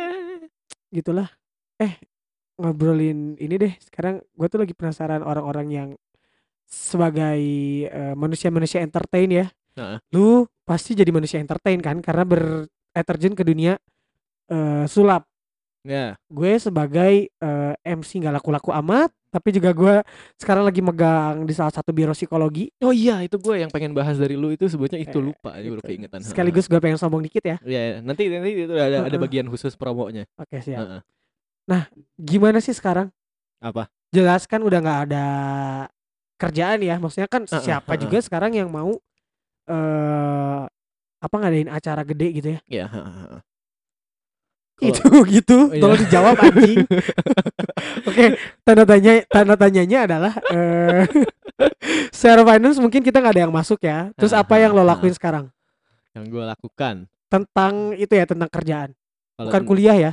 Ya, asik kalau kerjaan sih eh, untungnya untungnya sebelum eh, rokona anjir rokona corona. Corona. Sebelum corona dimulai ada aja lah ya Heeh. eh, puji Tuhan Om Swastiastu alhamdulillahnya. Mana mau dijabah ya? Doa dijijikan. Apa namanya? Untungnya ada eh, cukup banyak kerjaan dan masih Heeh. ada tabungan gitu kan. Heeh, tapi eh, setelah corona heeh. ya survive-nya ibaratnya ya dengan dengan sisa-sisa kandung kemih yang ada. Betul. Yang sampai yang awal bulan pertama iya kita harus WFH eh WFH apa? Kita harus stay at home minggu Iya. pertama. Heeh, heeh. minggu kedua anjing nih habis juga nih. Terus paling ya the best thing we can do right now sebenarnya khususnya buat para yang entertainment kalau kalau yang kerja di bidang entertainment tapi udah gede mah udah enak lah ya. Dia Heeh. diam 2 tahun aja kayaknya uangnya masih ada gitu kan. Tuh tapi untuk yang kecil-kecilan gitu ya Mm. ibaratnya entertainment kelas warung itu ya anjing kelas warung. Ya kita kelas warung. Gue pesulap kelas warung gitu. Oke. Karena kecil. Kan kalau itu ini kelas merendah untuk meroket tapi kan. Kan kalau udah kelas Inul Daratista yang begitu-begitu kan Iya. udah udah kelas franchise kan? Kita kelas anjing kelas franchise. Gue kira retail. Kita kelas warung gitu. Korek dong. Oh iya benar Amer Ah. dong. anjay. Pernah free session sambil ngamer? Gue sih ngarep gitu tadinya. Oh kalau ngarep gitu datangnya next time eh, malam-malam. Balik lagi ya. Jadi eh, ujung-ujungnya walaupun di Instagram gue sebenarnya Hmm. Mungkin gue tipe yang perfeksionis gue juga ya. Jadi kalau jualan barang segala macam gue nggak masukin Instagram gue gitu Heeh. loh. Jadi ya ada beberapa jual barang terus Mm-mm. bantu-bantu eh, oh lo juga jualan barang? Ada jualan barang apa maksudnya? Barang eh, sabu gitu. Enggak sih halo BNI 46 mungkin jual barang sampai sekarang banyaknya Aing lagi ngejokes anjing. Oh lagi ngejokes ya? Oh. Gak dimakan Iya, lagi si iya, iya. Pantes MC Bangsa. Apa namanya yuk tapi ba- kebanyakan sampai sekarang jadi eh, middleman dan khususnya middleman di sini ada orang mau jualan gue ikut marketingnya segala macam dapat dari situ. Gue bukan tipe yang pintar ngeristok produk segala macam gitu loh. Ibu gue juga jualan kan jualan makanan segala macam gitu. Jualan buku Hah, siapa jualan buku? Oh ibuku. Ibu gua. Oh iya. Ibu gue juga jual makanan gitu kan Iya. gue juga bantu bantu kalau dari ayah gue ayah gue dari dulu kan ya adalah eh, lebih ke saham sih. Maksudnya eh nggak ngebantu apa-apa sih kalau dari ya sih ya sebenarnya nggak ada nggak ada relate-nya juga ya. nggak ada relate juga. Gue pengen cari apa nih dari ya gue nggak ada ada juga udah. kan ya, terus? Ya udah paling eh, dari situ. Dan tapi malah ju- jujur buat gue ya buat gue jadi eh apa namanya lebih soft skill baru. eh selain soft skill baru tuh kalau secara fi- finansial lebih hemat lebih hematnya maksudnya? lebih hemat dan tabungan gue malah nambah Iya sih. iya karena gue nggak ke mana-mana Heeh. ya uang gue ibaratnya habis cuman buat rokok beli buku beli Ih, gila beli, beli buku nih guys. tapi emang se- se- ketagihan itu awas jatuh Duh, akhirnya jatuh lagi. anjay tumpah Eh, wine. wine heeh. Terus kan bahasa Indonesianya amer ya terus eh sampai mana ya karena cuman dihabiskan untuk beli itu dan ternyata yang bikin boros selama sebelum corona ini nongkrong sana sininya gitu jajan sana sini beli ina itu di luar gitu loh Heeh. kayak nggak kerasa sehari bisa pindah berapa coffee shop terus makan di luar berapa kali Enggak sih kalau gue sampai pindah coffee shop mah. oh enggak ya gue tuh nanti lambung gua udah sama gua sama ini lagi. Mah. Heeh. Tapi nggak ma- nggak nggak parah banget gitu. oh Terus terus. pemain bola yang beratnya cuma 3 kg coba Makan aja sendiri. gue juga tadi nggak dimakan. Bambang tabung gas Ini tuh gue bisa ketawa kalau di sini sama lu ya. Kenapa? Padahal kalau misalkan gue lembar ini ke teman-teman gue tuh nggak ada yang bisa ketawa gitu. yang karena jokes itu subjektif kan Subjektif ya bener. Jadi kalau pengen jadi MC tapi penontonnya ketawa semua, Mm-mm. cari yang emang pasarnya pasar lu gitu. Iya bener sih. Iya. Terus terus. Ya jadinya ya itu lebih Mm-mm. itu dan kalau ke depannya kalau dari podcast jujur belum belum ada apa-apa gitu nggak ngasilin Mm-mm. apa-apa jadi kalau ada yang ngedenger terus punya produk pengen endorse podcast gue boleh banget Boleh gitu. banget. Masih gratis ya?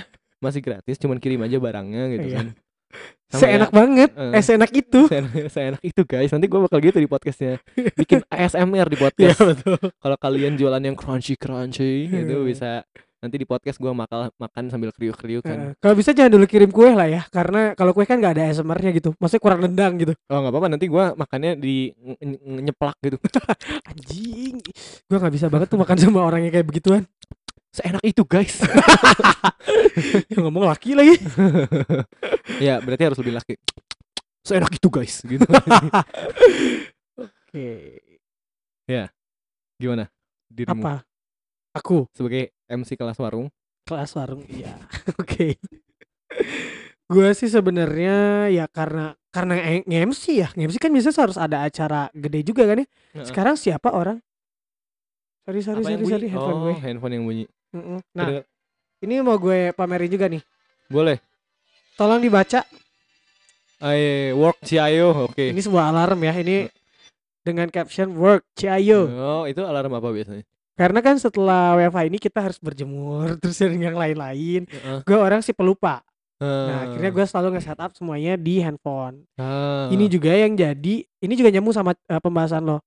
Hmm. Eh, gue ngapain ya setiap jam segini harusnya gue tuh lagi nge-setup kayak misalkan kemarin-kemarin sempat jualan, Mm-mm. terus eh, jualan lagi, jualan, jualan dan jualan ya. Iya kayaknya itu yang terbaik yang bisa kita lakukan saat ini gitu. Betul. saling Bahkan- jualan dan saling membeli gitu Betul. jadi plus plus Seenggaknya eh, kebutuhan kita tetap terpenuhi ya.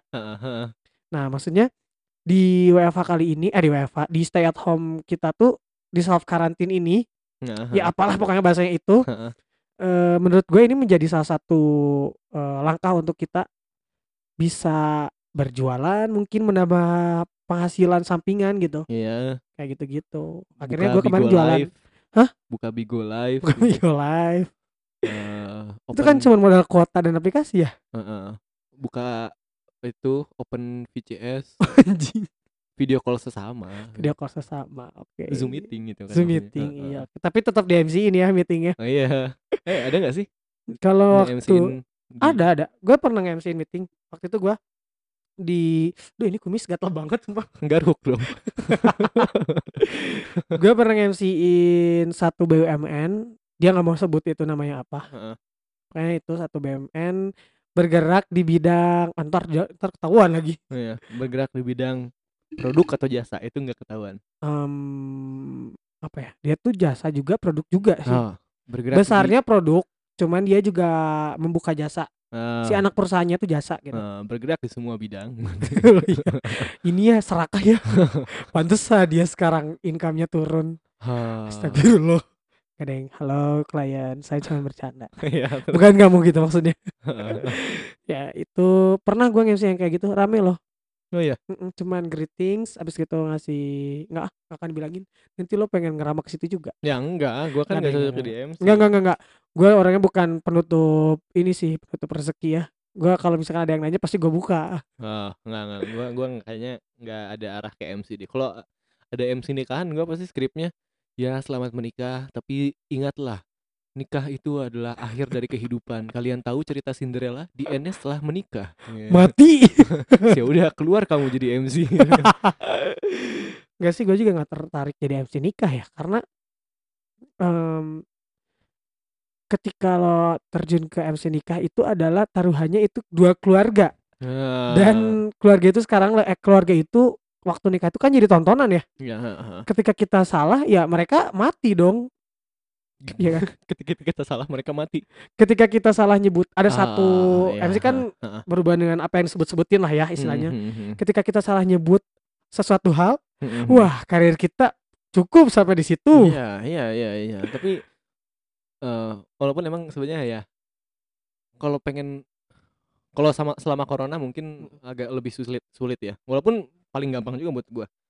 MC nikah tuh paling banyak gaweannya. Heeh sih Jadi kayak tiap kalau emang udah nama udah punya nama gitu ya, heeh. tiap minggu bisa ada gitu. Kayak lu nggak harus ngapa-ngapain lagi selain nge-MC hidup Iya. lu gitu enak banget. karena kalau misalkan lo mau jadi MC konser MC eh, seminar Heeh. sekarang gini kalau misalkan mau narik masa selain dari bintang tamu kan Mm-mm. dari pembawa acaranya juga heeh. MC konser ada penyiar radio Ya, MC seminar ada penyiar TV heeh. spot gue sebenarnya masih agak lebih turun kan kalau kayak Iya, gitu jelas mereka lebih banyak juga jam terbangnya gitu Iya. Tapi nggak tahu gue selama pernah nge-MC terus eh apa namanya? sulap jam terbang gue dikit sih biasanya gue naik mobil jadi nggak terbang Oke, gitu, gitu. Oke, gue ikutin, gue ikutin, gue ikutin. Iya, Ya nggak apa-apa gitu. lo sulap aja, gue MC-nya. Jadi ketika lo misalkan lagi nyu, lagi sulap nih, butuh MC nggak nih? Gue ada MC barengan nih sekalian, iya. bundling gitu loh. Nanti sulapnya mau gimana mas kata Ionya. Gue pengen sulap menghilangkan MC. Jadi gue cuman eh, greetings doang, kenalin lu, beres, gue masuk. rekening sulap. masuk. iya, rekening masuk. Manajemen fee sama fee benerannya keambil. Jangan dong. Ini juga nih sebenarnya gue tuh sebel sama si corona itu. Gue tuh ada satu project nih, Ah. harusnya eh, diselenggarakan. Taruh lagi nih, gue tuh eh, MC ini tuh bakal eh MC apa? Project ini tuh harusnya gue selesai eh, atau terlaksana di hari Kamis. Gara-gara si this fucking corona, Heeh. it's postponed. Ya. Karena itu PSBB diberlakukan di hari Rabu. Harusnya hari Kamis gua udah turun fee-nya. fuck man. Sedih nggak lo? Iya iya iya iya iya. Ini kayak selang sehari gitu ya. Betul. Dan Hmm. pada saat itu gua udah menghitung apa Ah. aja gua apa maksudnya eh apa eh, nih ini fee mau gua pakai ke mana aja nih. Heeh. Dan akhirnya nggak jadi. Ya. Aduh. Ya, ya, ya. Sedih sih sebenarnya. Heeh. Dan sekarang sebenarnya situasi sekarang sebenarnya malah tidak tidak makin membaik juga ya. Iya betul. Se- apa namanya malah tidak tidak membaik atau mungkin untuk di beberapa tempat makin memburuk tapi Betul. kita seakan-akan kayak lupa corona itu ada ini Iya. orang-orang kan keluar-keluar aja New normal, new normal kalau di orang kan mungkin menerapkan sikap-sikap baru ya Heeh. untuk menghadapi si Heeh. Corona ini. kita mah kayaknya back to normal bukan new normal Kalau di kita new normalnya lebih ke arah melupakan corona mungkin Iya, ya. Kayak heeh, gitu. jadi denial Iya, believe it or no, this pandemic uh, COVID-19 has had an effect on all our lives. And it's getting worse already. iya Agree or not kan? Gitu sebenarnya kalau kata gua. Tapi eh impactnya ada yang positif dan ada yang negatif. Benar nggak? Ada yang positif punya anak, ada yang negatif nggak jadi anak. Benar nggak? Iya iya iya iya. Kita bisa lihat lah ya di beberapa platform berita itu mereka bilang sekarang di Jawa Barat itu angkanya melonjak kehamilan setelah ada corona ini. Iya, karena eh, apalagi yang dilakukan gitu kan. Betul. Sekarang WFH nih. Lo Hmm. ngerjain di rumah. Pusing. sebagai laki-laki yang punya eh, kebutuhan biologis Iya. itu harus diselesaikan. Iya. Bener atau enggak? Benar. Bener kan? Heeh, heeh. Gitu. Nah, kayaknya di titik bosen yang gini-gini aja tiap hari keluarin di dalam yuk gitu. si udah punya anak gitu. Betul. Nah, bikinlah peternakan anak nanti. Lu nggak tertarik untuk membuat menjadi positif? Oh enggak, dulu gue punya eh apa ya sebutannya? Come anxiety. Gimana tuh? Jadi dari dulu gue eh gua aja Selama aktivitas you know aktivitas apa Heeh. yang gue That omongin. biologis things. Heeh. selama aktivitas itu gue tuh parno anxiety gue nggak nggak sepenuhnya menikmati gitu gue Oke. jadi kayak gue diam diam terus seenggaknya kalau lawan eh, apa Heeh. lawan main gue sudah udah puas udah ya udah gue selesaikan Heeh. tapi selesaikannya nggak di dalam gitu Heeh. kayak gue di sebelah dia gitu anjir ini Heeh. personal banget di podcast fuck anjing biarin lah udah amat ya gitu anjing Aduh. jadi begitu dan separno itu gue Iya sih. Kadang parnonya setelahnya ya. iya Eh, gak tahu gua kan belum pernah. oh iya lu belum pernah belum pernah Sambil ketawa aja ngomongnya Emang kenapa? nggak apa-apa cuman eh, apa namanya Gue kan ketawa lucu. ah lucu, haha, mencurigakan aja Apa yang lu curigai dari gua? enggak Gak ada kan? nggak ada emang baik anaknya Baik banget gua tuh. ya Gak ada anak baik yang ini yang ngeklaim dirinya baik. Ah, iya nggak ada maling nggak ada yang ngaku maling juga Penjara penuh dong. Anjing klasik banget ya. asli ini Hah, tapi ya begitu And then eh, apa yang what will you do after this corona? back to normal apa gitu. soalnya pasti akan ya back to normal tapi ya yang jelas apa yang sudah gua lakukan sekarang yang jadi lebih ba- baik menurut gua pasti Ah. akan dilanjut gitu karena eh walaupun iya jelas corona kan memperburuk banyak keadaan gitu kan Betul. tapi biasanya dari keadaan yang buruk ini kayak terjadilah inovasi atau aktivitas-aktivitas baru gitu kan yang ternyata oh ini bisa dilakukan gitu khususnya podcast gua sekarang jadi banyak banyak banyak ide gitu di podcast Ah, kan iya. banyak dan berkembang selama corona gitu Oke. mungkin setelah corona akan turun gitu karena orang sudah tidak gabut jadi nggak ngapain dengerin podcast gitu Ih, tapi gue termasuk orang yang sering dengerin podcast eh dalam situasi olahraga karena kan gue suka lari ya. Hmm. Lari dan sepedahan gue tuh suka banget kan. Heeh. Nah, gue tuh dengerin podcast sambil lari sambil sepedaan. Kalau orang kan sambil dengerin lagu ya. Kalau gue tuh kan sebenarnya eh, lebih gue orangnya oral sebenarnya. Seneng ngobrol gitu. oh orangnya oral Bukan oral seks anjing. tapi enak. oh oh kan belum pernah katanya Oh iya belum pernah deh.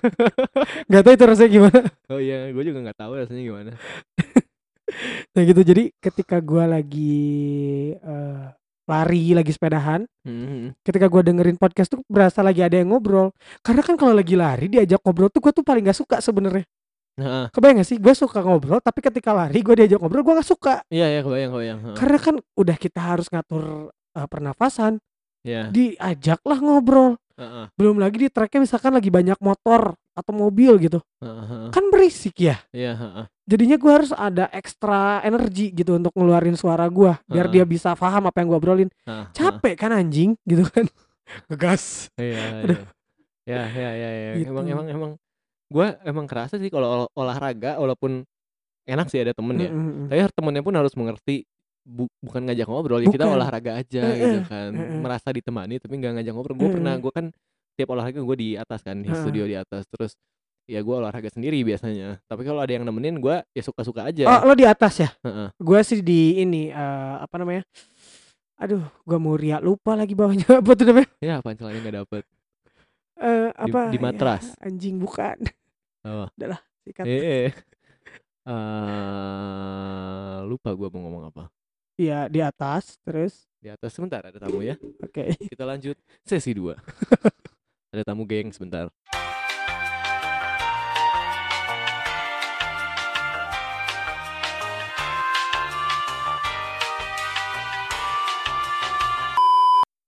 Pam pam pam pam pam pam itu suara iklan ceritanya. Pam pam pam pam pam pam. Oke. Oh, ini suara iklan. Eh teh pucuk hanya 3000 Ini udah masuk. Udah, ini udah Oh. masuk. Oke, kembali lagi di sesi Bukan gitu gila gini. Oh. teh pucuk harum menyegarkan. Apalagi ya bacanya? Ya gitulah. Minuman teh wangi melati. Wah Timur sarung khas Indonesia. Ah. Langsung kan eh teneneng, garing gak anjing fuck. Terus baru kalau di radio kan 98,4 Prambors Radio Bandung Indonesia number one hits music station. Kembali lagi bersama Adnan Bintang di sini. Hai guys. Anjay. Ya, tadi lagi ngomongin apa sih? Kita tadi lagi ngobrolin tentang gue lupa juga sih. Iya, ya udahlah. Pokoknya tadi tuh ya sesi 2 kenapa dua Pokoknya sesi? tadi sesi satu eh, keren banget pokoknya. Apa? Sama. Udah. Gue males. pengen pengen tepuk tangan. Iya. Ah. Oke. Ya, intinya tadi tadi ada yang minta daun kelor guys. Jadi di depan rumah gua ada daun kelor. Itu Dunia itu tidak sekecil daun kelor bro. anjay, apa ya? Itu ada lagu tentang daun Sekecil atau sebesar daun kelor sih? kelor. Kecil. Sekecil ya? Soalnya tadi pas dia ah minta daun kelor terus pas dia balik daunnya kecil-kecil. Iya iya. Gue juga mikirnya daun yang gede-gede gitu loh. Soalnya namanya kelor gitu. Terus kenapa anjing? Kalau kecil tuh lebih cocok daun kilir gitu. Ini gak sih dari namanya kayak gitu nggak sih? Bapak-bapak.id Eh, penyanyi yang suka nggak sadarkan diri siapa coba? Siapa tuh? Pingsan Mambo. Anjing. Aduh gua mau buka tapi lupa lagi lagi. Ayo. Gak bisa kalau kayak gini gua. Ya harus harus spontan sih ya. Kecuali kalau lagi di podcast gue itu biasanya gue bisa bisa itu podcastnya tentang apa sih? Podcastnya lebih berbicara tentang Nah loh podcast. Nah loh podcast itu biasanya tentang ya jok-jok anak tongkrongan lah ya sambat-sambatnya anak tongkrongan gitu kayak ngobrolin eh, sekarang lagi happening apa terus apa yang kita apa yang pernah kita rasain tapi corona kan kita belum pernah rasain ya Ya. gitu gitu kayak misalkan kebetulan kan itu saya paling muda ya di sana semuanya sudah pada alumni itu Ah. jadi kayak lagi kadang throwback throwback sedikit lah tentang masa-masa kuliah masa-masa SMA yang kayak gitu Hmm, ya kita paling relate. Paling buat kita throwbacknya masa-masa SMA, masa-masa baru masuk kuliah. betul karena kan kita baru mau lulus Ya karena ya yang paling indahnya itu sebenarnya di kuliah adalah pas baru masuk ya. iya Selain dari situ Nggak, percaya lah. baru masuk dan eh, tahun kedua tahun ketiga wow Iya, dunia berasa berubah. Pokoknya kuliah itu serasa kalian lahir di puncak gunung gitu loh, seakan-akan indah gitu. Tapi sebenarnya perjalanan itu turun gitu. turun nggak akan ada naiknya Betul. gitu. Semakin apalagi setelah lulus itu bukan naik lagi, itu jurang aja. jurang jurang kehidupan. Rawa-rawa lah intinya kalau udah lulus tuh. Bingung kan mau ngomong apa kan? bingung. Sama bingung nggak apa-apa biar yang dengernya bingung juga. oke Kita diemin aja gitu lama ini sampai dua jam terus ya udah. eh ini deh gue tuh eh, sekarang lagi ngerasain satu fenomena Heeh. yang mungkin mungkin ini bisa dikat jadi episode baru kali ya Apa tuh? jadi eh yang eh, akhir-akhir ini se- semenjak kita ada harus stay at home, self karantin dan yang lain sebagainya kan kita di rumah terus dan kita nggak pergi ke mana-mana. Heeh. Otomatis badan nggak capek-capek banget kan ya. Heeh. Tidur juga eh, jadi agak berantakan untuk beberapa orang ya. Iya malah kita jadi kayak macan. Heeh. Tidurnya butuh 20 jam sehari semenjak corona. Nggak anjing. Maksud gua tuh eh, malamnya jadi kita jadi pada susah tidur Iya, biasanya. heeh. Nah di malam itu kan biasanya jam-jamnya orang-orang overthinking. Ya. Kebetulan gue lagi main lagi Twitter nih. Hmm. Di Twitter lagi rame banget eh, bahasan-bahasan tentang overthinking, anxiety, dan juga insecure. Mm-mm. Nah, Masalah insecure ini, eh gua rasa orang-orang yang speak yang speak up tentang rasa insecure-nya, Iya. menurut gua malah menjadi orang lain ke-trigger menjadi insecure. Ah, heeh. eh yang bikin gua ngerasa kayak gitu, eh ada nih satu teman gua, dia itu eh, bergerak di bidangnya yang sama sama gua. Hmm. di dari mulai eh, educationnya itu sama kita bergeraknya di bidang yang sama Heeh. secara Psikologos. psikologos Nah. terus pekerjaan juga agak mirip-mirip sama gua secara ini gitu ya mas secara secara posisi dalam kerjaan Heeh. terus usia juga masih sama terus dia kadang suka mengeluh tentang eh, pekerjaannya yang sebenarnya pekerjaan dia masih bisa dia kerjakan di rumah. Terus dia tuh sering mengeluh tentang insecure kalau misalkan teman kerjanya yang lain. Hmm, Jadi kan dia Gimana? ngerasa insecure gara-gara teman kerja yang lain lebih tinggi daripada dia kan. ya. Akhirnya dia berceritalah di Twitter. Ah. Gua yang satu yang setara sama dia dan gua ngerasa kompeti eh, apa? kapabilitas gua eh, sedikit terendah dari dia. Nah. Itu menjadi re- insecure, Bro. Ah, ya, Jadi dia ya, tuh ya. kayak ngomongin insecure-nya teh, aduh sedih banget nih. eh contohnya gini. eh kan sekarang lagi rame juga tuh kursus online. Ya, heeh. Aduh gue sedih banget nih eh udah mau beres, udah mau masuk new normal, Hmm. alias udah bisa balik lagi ke kehidupan sebelumnya. Hah? Eh gue belum menyelesaikan buku ini ini ini ini. Hmm, Secara nggak langsung itu bisa nge-trigger orang untuk menjadi insecure.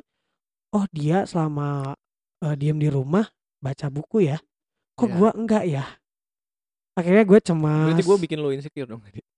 Eh, ada beberapa orang yang eh, bikin gua ngerasa insecure. Gua punya bukan standar, maksudnya gini. Gua akan insecure ketika standar dia dan standar gue itu agak mirip-mirip. Ah, Itu biasanya bikin gua merasa insecure ketika dia udah bisa lebih maju. ah, Tapi tidak bisa dipungkiri juga itu bisa memotivasi gua untuk bisa fight back dan struggling lebih hard lagi gitu. iya, Gila anjir di mixing gini bahasa gua. Jaksel banget. Jadi yuk kita ke Gila MCD. gila gila gila gila. Gengs gue tuh literally ya kemarin gue kan ke MCD. di, MCD kan gue mesen-mesen gitu kan mac and cheese gitu. Dan french fries. Iya. Kentang fries.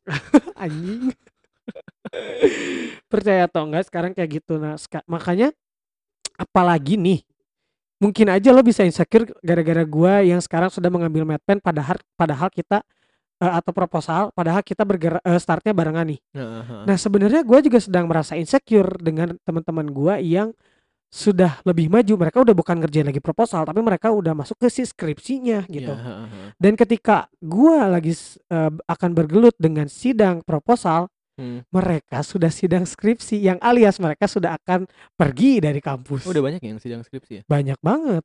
Fuck man. Insecure kan lo? Yang IPK-nya tinggi si itu Lavio.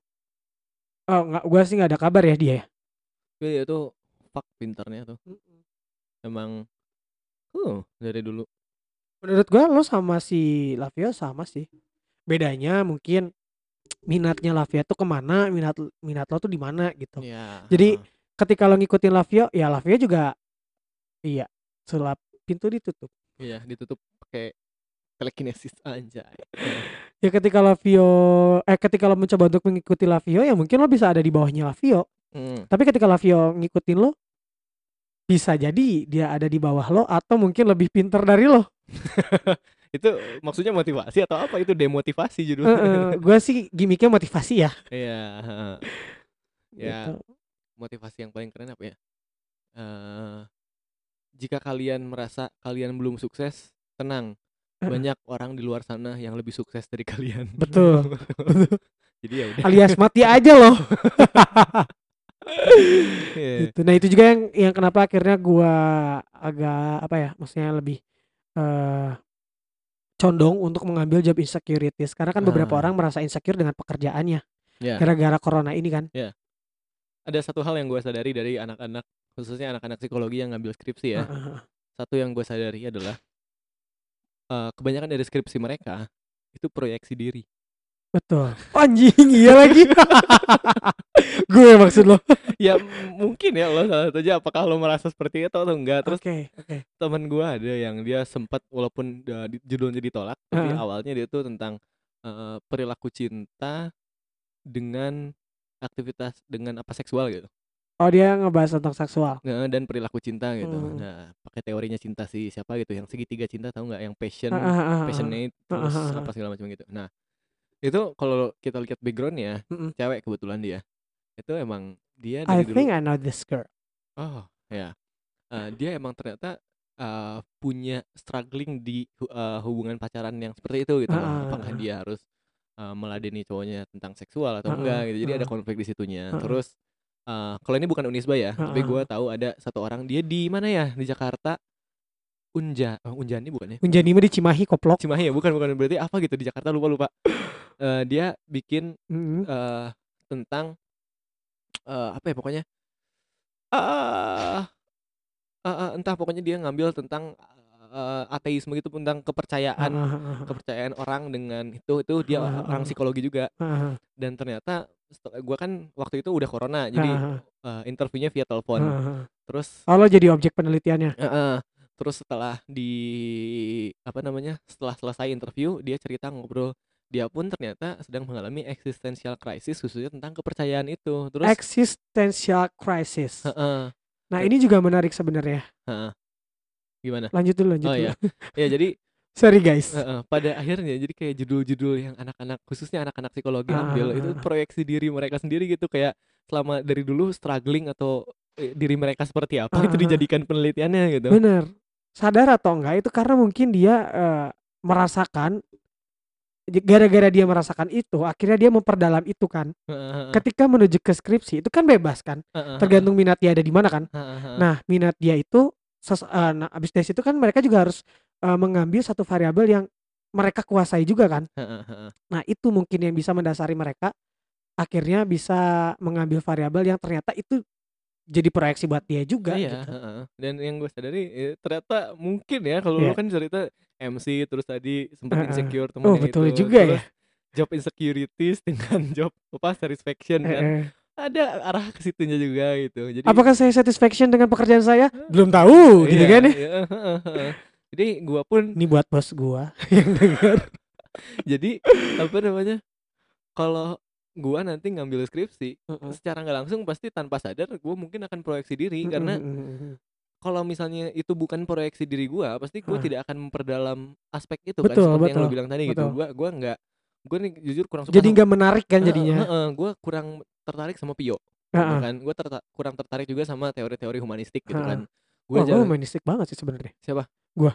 oh berarti kita kebalik nih ya Balik. gua nggak ke situ gitu loh mungkin so far eh, walaupun gua skeptis dengan psikoanalisa itu yang Heeh. paling gua kuasain dan eh, khususnya neuro neuropsikologinya gitu loh walaupun mungkin kayaknya skripsi ke situ hampir tidak mungkin gitu tidak skripsi mungkin. neuropsikologi Betul. ya. mungkin jatuhnya jadi klinis klinisnya juga jatuhnya jadi ke Heeh. condong ke psikoanalisa Heeh, kan dan mungkin pas nanti setelah di situ ya itu proyeksi diri gua gitu karena Oh, oke. kayaknya ya kalau khususnya buat semua mahasiswa psikologi kita tertariknya dengan teori apa berarti itu teori itu tuh kayak wish fulfillment kita kita Betul. berusaha untuk menjadi yang di teori itu karena Betul, hidup betul. kita yang kita rasa kita kayak gitu jadi otomatis kita fans dari teori apa ya kita itu proyeksi diri kita Betul, teori itu gitu. betul, betul, betul. Nah, ini eh ada pasarnya ngobrolin kayak gini. Kenapa? Lu punya pasar yang ngobrolin kayak gini. Teman-teman lu udah pada tahu tentang teori psikoanalisa, humanistik, behaviorism. walaupun gua di podcast-podcast gua sebelumnya nggak pernah menjelaskan teori ana- psikoanalisa selalu secara mendetail atau teori lainnya, tapi pasti kalau ada ngebahas teori ini gua ngejelasin kayak baru episode kemarin gua ngeje- ngejelasin tentang classical conditioningnya Pavlov. Oh, oke oke. Mm-mm, begitu. Ini orang-orang jadi kayak berasa lagi kuliah juga nih, mantap juga nih podcast. Itu- Mungkin nanti bakal endorse yang masuk kayak bukan dari makanan atau minuman deh. Dari Gramedia. Oh, dari Gramedia. Iya. Gua sih berharap gitu anjir, tapi maksudnya gua tuh pengen kalau ada yang Very Plus mungkin yang Heeh. ini. atau kalau yang nonton suka nonton YouTube luar tuh biasanya iklannya suka square squarespace.com itu itu yang bikin Waduh, website website lagi. gitu aja skillshare.com suka ada aja gitu Menarik juga tuh. ya begitu tadi lu gimana ngomongin existential crisis Nah, itu existential crisis menurut gue sekarang yang lagi dialami juga eh, ah anak-anak eh, kita sebut anak-anak karena kita setara ya iya yang sedang mengalami eh, quarter life crisis ini. iya iya iya Ya kan? Heeh, Quarter life crisis ini kan berarti ya di, di usia antara 20 sampai 25 lah ya heeh. kasarnya. Karena mungkin kalau misalkan kita spesifikkan 23 sampai 25 bisa aja mereka merasakan dari 21 22 gitu kan. iya heeh, heeh. Nah, Ya, di usia kisaran kayak gitu ya. tuh di usia kayak gitu tuh si existential cris- crisis ini tuh banyak terjadi juga. iya heeh, heeh. Lo tau nggak apa ciri-ciri orang yang merasa eksistensial yang sedang mengalami existential crisis ini? apa Ketika dia ngomong, Hmm. dia pasti eh gue kan orang gue kan gitu. Hmm, hmm. Pasti ada ada istilah eh menye- yang menyatakan kalau nih gua tuh kayak gini nih. Iya, Terus heeh, abis gitu biasanya dia eh ada body ada body contact sama ada physical contact sama yang lain. hmm, hmm, Misalkan hmm. kayak ini. eh gua tuh kan bisa eh gua misalkan lagi cerita sama lo nih. Heeh. Bar, gua tuh kan gini gini gini. Padahal kan gua nggak apa-apa, ya kan? Mhm. sambil misalkan Oh, nepuk heeh, heeh. eh, pundak lo atau misalkan eh, kaki lo atau misalkan tangan lo. atau nampar gitu ya kan pak Wah, anjing itu selain existential crisis itu akan terjadi war. iya iya. Nah, itu juga sering terjadi. Nah, yang yang parahnya nih Hmm. si beberapa orang yang mengal- eh, yang mengalami masalah di existential existential crisis ini, Heeh. mereka menjadi orang yang eh, apa ya bahasa awamnya ini Edgy. tengket eh tengket lagi ya pertama itu edgy Heeh, heeh. terus juga dia merasa eh, pede banget sampai dia bisa menyalahkan orang lain iya iya iya iya, itu iya. bahasa eh, bahayanya dari existential crisis ini tapi buat gua dan gua pernah ngalamin gitu maksudnya Mm-mm. existential crisis jadi kayak itu pasti adalah sebuah fase gitu fase Ha-ha. pendewasaan gitu iya sih ada beberapa orang yang nggak ngalamin existential crisis ya Mm.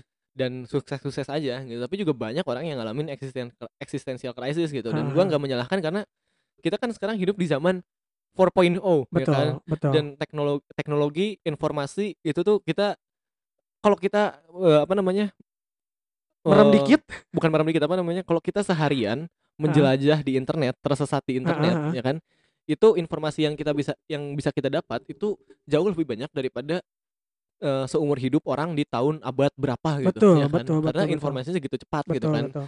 Jadi untuk angkatan kita nih Mm-mm. ya itu akan sangat mudah untuk mengalami existential crisis gitu betul. Kan orang ternyata ada hidup yang kayak gini kayak Mm-mm. gini ada ideologi ini Ah, ini ada pemahaman ini. Mereka kayak fuck man jadi hidup itu gimana sebenarnya? Apa itu hidup kan sebenarnya? Jadi kayak em- emang sangat rentan gitu loh. Bahkan gue punya adik nih ya. Ha-ha. Eh, eh, jangan adik gue lah jangan jadi contoh personal gak mau nyapa sendiri ya soalnya itu itu nggak nggak nggak bisa gua sapu sendirian ya Iya. Terus, ada eh, jadi jangan ada lah adanya teman gue juga nih sama Heeh. nih adanya teman gue dia sekarang baru mau masuk oh baru naik kelas 2 Heeh. SMP Heeh.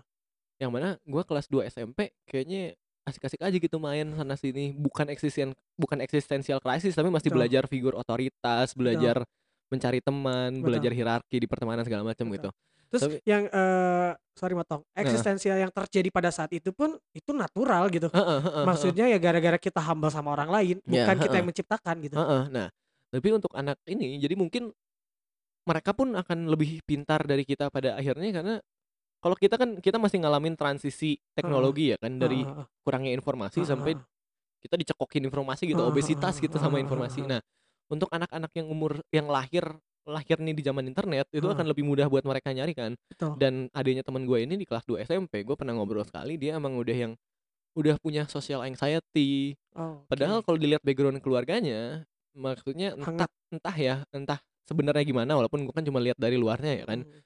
Eh, komunikasinya harmonis dua-duanya dan sama kakaknya juga harmonis. Tapi emang ternyata pas dia lihat gue lihat YouTube-nya dia dia nonton apa aja terus dia searchingnya apa aja emang sedalam itu gitu nyarinya. Emang bisa tentang eh sampai dia tuh anak SMP kelas 2 udah tahu Descartes gitu anjing. Oh. cogito ergo sum terus udah tahu apa namanya human being walaupun belum mendalam psikologinya ya, tapi udah tahu secara umumnya gitu. Jadi kayak damn man, mungkin semakin sini mungkin nih di saat gua udah nanti umur 60 tahun itu anak masuk SD tuh udah Betul. mana tahu gitu. Mereka udah lebih mengenal lagi ilmu-ilmu yang bahkan kita itu pelajari setelah kita lulus kuliah mungkin ya.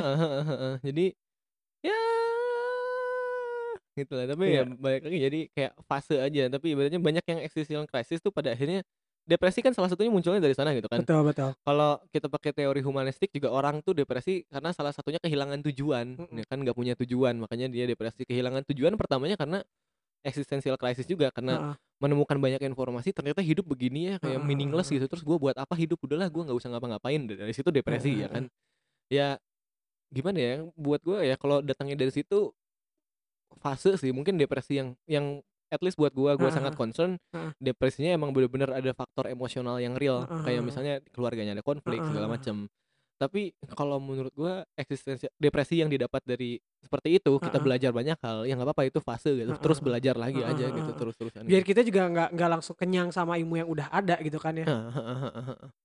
Nah si kan tadi tuh lu juga bilang kalau misalkan existential crisis ini berdampak kepada identitas mereka. Mhm, Mereka mhm. juga jadinya merasakan krisis identitas mereka. Heeh, heeh.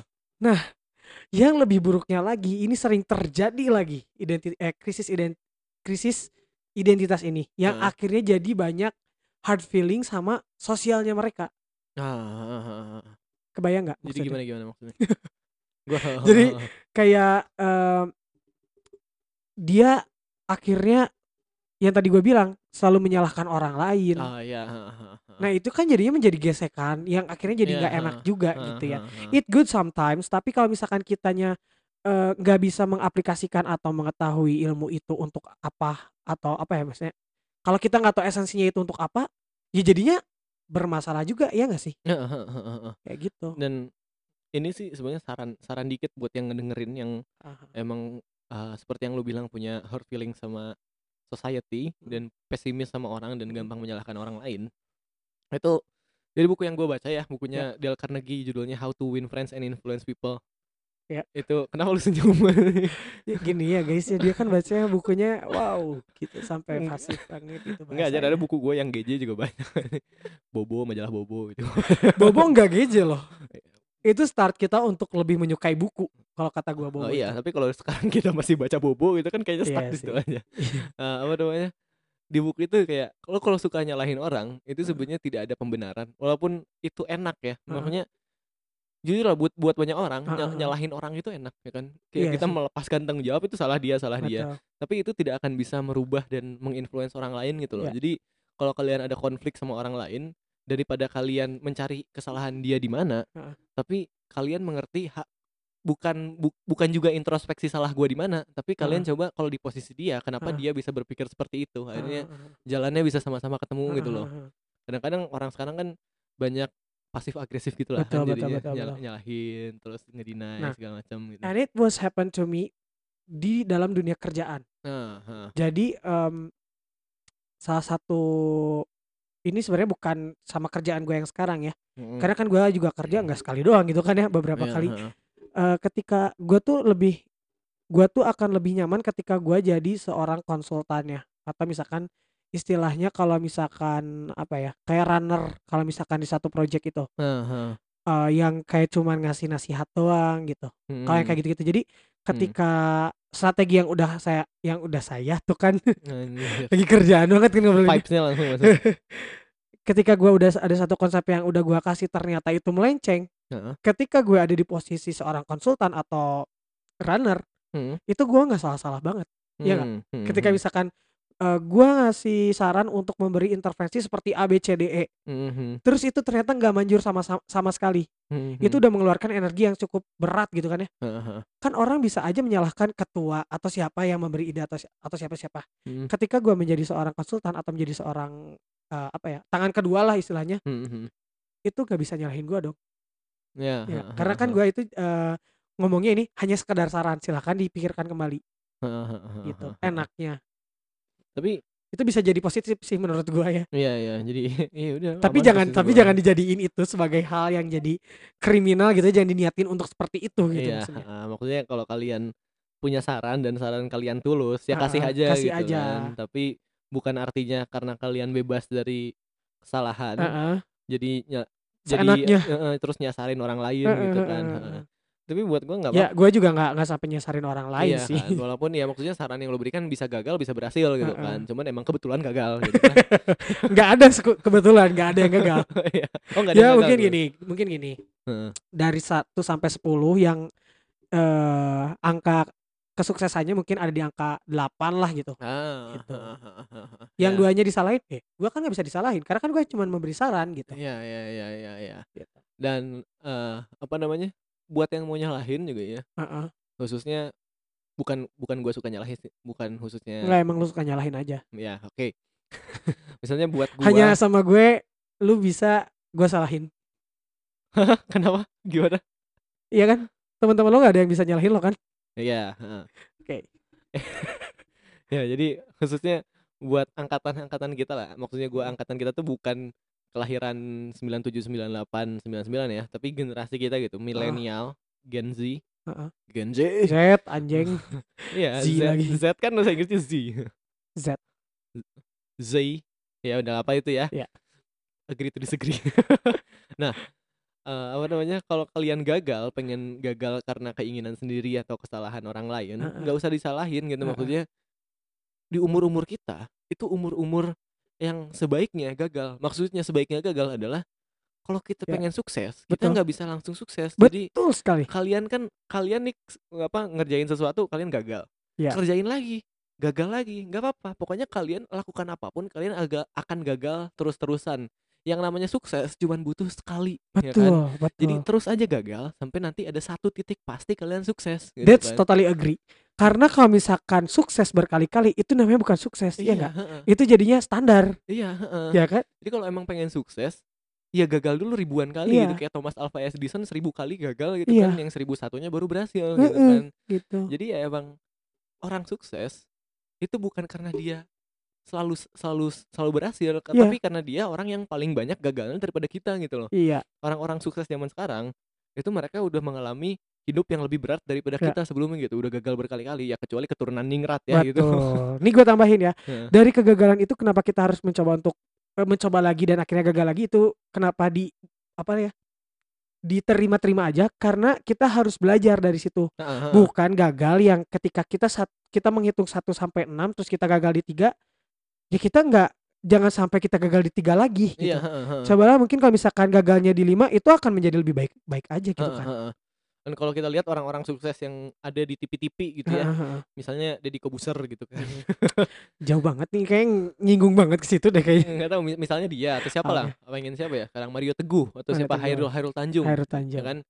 Kalau kita lihat orang yang kayak gitu nggak banyak kan. Heeh. Anggaplah misalnya orang yang sesukses itu satu dari seribu misalnya gitu kan. Berarti kalau dari atau satu dari seratus lah biar hitungannya gampang ya kan. Berarti kemungkinan kita seperti itu cuman satu persen kan. Betul. Berarti kalau pengen gitu ya kalian gagal aja 99 kali nanti pasti Betul. berhasil gitu sekali gitu Betul. kan atau ternyata matematika lagi berpihak pada kalian mungkin di percobaan ke-20 30 udah sukses gitu Betul, kan. betul. Tapi intinya open yourself untuk kegagalan Betul. ya kan. Jangan sampai merasa terpuruk banget. Mm-mm. Titik eh, apa kunci kesuksesan adalah kegagalan. Kegagalan. Anjir. Gue tuh sempat berpikir ya kalau Heeh. misalkan motivasi kayak gitu tuh salah satu motivasi yang menurut gua ah bullshit. Heeh, heeh, Tapi setelah mencoba ya, heeh. oh ini yang disebut dengan kunci kesuksesan eh kunci kes- kegagalan adalah sebuah kunci kesuksesan tuh ini gitu Iya, maksudnya. Karena ini pun gua gua kan udah podcast rutin sampai sekarang walaupun belum menghasilkan ya. Iya. Mu- Ada kemungkinan besar juga gagal gitu podcast gua Iya. entah misalnya nggak akan berkembang tapi ya udah Mm-mm. gua tidak akan menyesali gitu. Gua su- setidaknya sudah pernah mencoba gitu. Dan jadinya tahu kan, oh kalau misalkan caranya kayak gini nih itu salah gitu. Heeh, heeh, gitu kan dan kalau ini gagal ya udah nggak apa-apa. Terus kalau nanti gua membuat sesuatu terus gagal lagi ya udah nggak apa-apa gitu. Yang Heeh. penting gua udah mencoba gitu kan. Iya, Dan terus aja nyoba siapa tahu sukses. Kalau emang Iya. misalnya gua sampai tua udah nyobain semuanya nggak sukses-sukses ya emang apes aja berarti betul. Dan eh, mungkin simpelnya kalau tadi mungkin eh, sisi baiknya ya. Heeh. Maksudnya bukan sisi baik sisi sisi motivasinya ya. Heeh. Mungkin sisi lawaknya ya. Heeh. Percaya nggak sih orang yang lawak itu biasanya orang yang sering mengalami kegagalan. Oh iya. Akhirnya kan dari kegagalan itu dia tuh kayak anjing kenapa aing bisa gagal ya? Kocak banget waktu gua gagal. Terus akhirnya Iya, dia ceritain semuanya. Biasanya Gitu. yang yang ketawanya paling keras juga itu hidupnya yang paling sakit kan sebenarnya kan. Gue Oh iya dari tadi ketawanya keras ya. Berarti sok kebayang itu Adnannya Aduh. buat yang ngedenger dari luar kelihatannya sangat bahagia kan. Ketawanya Wow. sangat keras kan. Sebenarnya ketawa yang sangat keras itu sebuah defense mechanism betul betul. di dalam hidupnya yang penuh bencana. Wah, banyak banget nih gempanya nih. ya begitu. Apalagi teh pucuk Tapi keren banget itu part 2 Kita anjing Oh, keren banget tadi nah. kita ngobrolnya. tiba-tiba jadi so iye gitu aja kita. Anjing. Ya begitu. Kalau kalian nah itu ya udahlah gitu. Mau pengen ngomong apa? Oke deh kalau kalian mungkin sekarang lagi pengen tahu ada di fase apa terus kalian lagi butuh advice nih. Kayak misalkan eh, bingung mau nu- eh, Oh, iya. menentukan apa. Iya iya. Jangan dipotong anjing.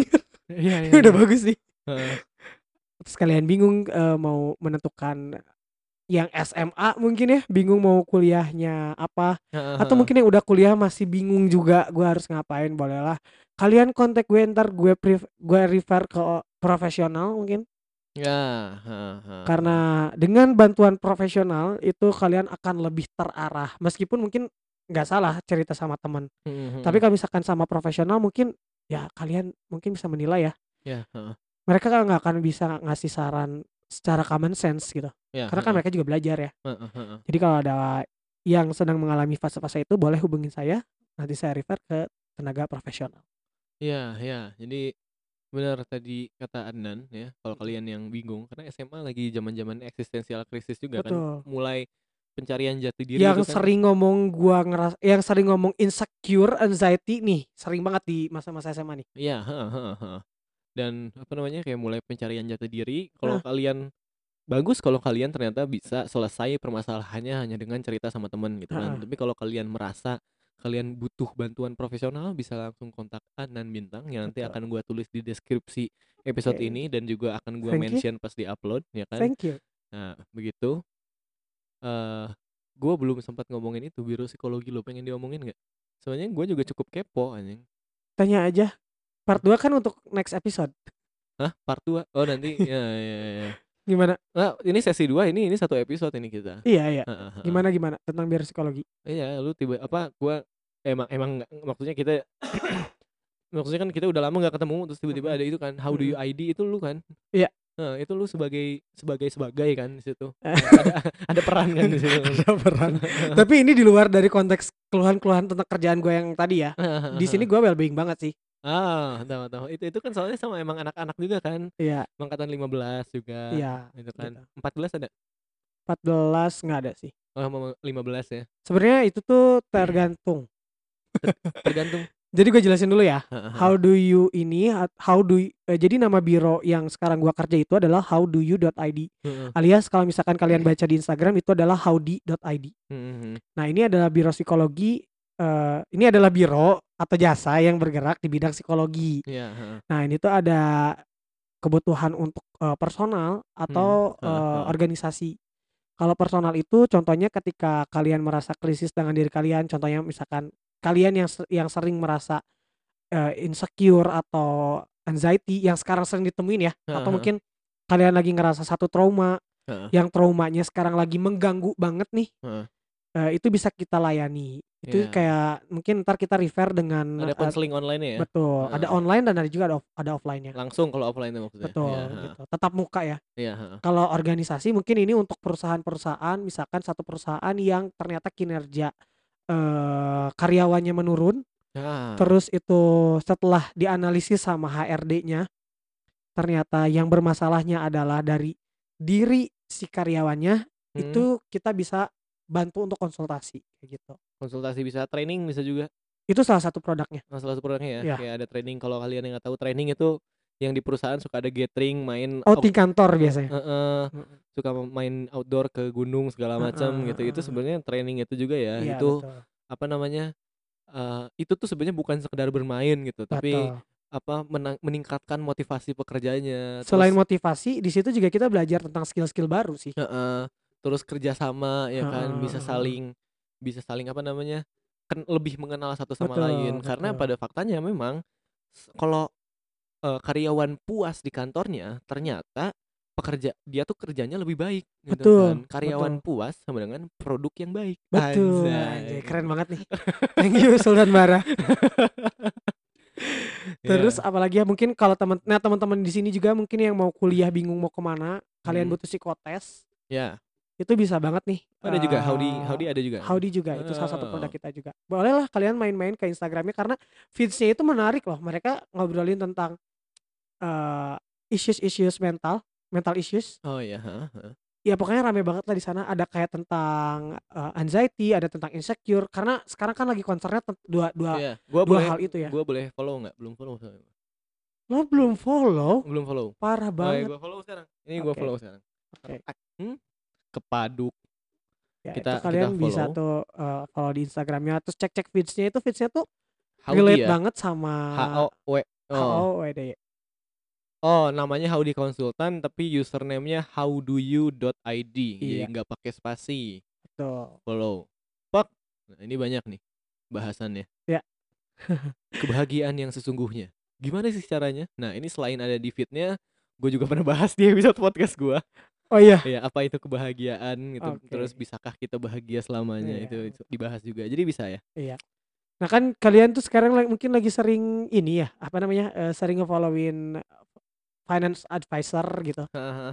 Boleh lah sekal- sekali-kali kalian main-main ke eh, salah satu account yang ngebahas tentang mental. Itu kan cukup baik juga ya buat individu. Bukan cukup baik, itu sangat baik dan sangat dibutuhkan gitu Iya, kan. heeh. Gitu. Bolehlah main-main ke Instagramnya. Hmm. Sekarang bisa akses di webnya juga. Suka ada artikel-artikel yang Nah, ringan Itu maksudnya. webnya kalau kalian pengen tahu ada di bionya ya. Betul. Heeh. Itu di sana suka ada artikel ringan kayak misalkan lagi ngebahas satu film itu dikaji sama psikologi itu filmnya kayak gimana sih. Ah, menarik iya, juga iya, kalau iya, kata gua. iya, iya, iya, iya, Biar iya. kalian tuh kalau ngobrol sama orang kelihatan lebih berisi gitu. Iya, Dan bisa iya. kalian tanamin di kehidupan Karena emang kalian. zaman sekarang ada jenis fetis baru namanya sapioseksual Heeh.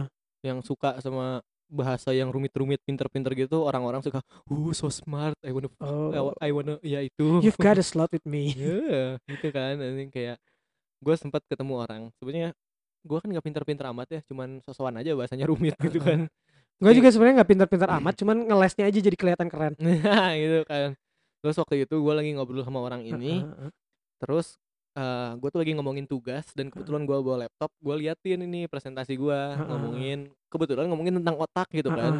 mungkin dia karena bukan orang psikologi jadi Heeh. ngerasanya wow damn gitu kan. Terus dari situ kayak jadi clingy gitu kan. Heeh. fuck man. Wow. Oh ya udah gue jauhin karena takutnya kan Kok nanti gue jijik ya ngebayanginnya. iya takutnya kan gue jauhin karena takut nanti banyak mudorotnya gitu Betul. kan Anjir ya sih iya ya. kan karena belum muhrim kan Betul. Kalau- Janganlah kalau belum muhrim. kalau nanti mungkin gue sudah siap ke jenjang selanjutnya Iya. gue akan presentasi lagi di depan Iya, dia iya. otak aku ternyata setiap ada kamu timbul dopamin dopamin dan Iya. oksitosin mungkin kita cocok untuk menikah Waduh. Jadi kalau skill sekarang yang agak berkelas nih ya. iya begitu ya nge-skillnya pakai Gak biologi skill-skill kentang.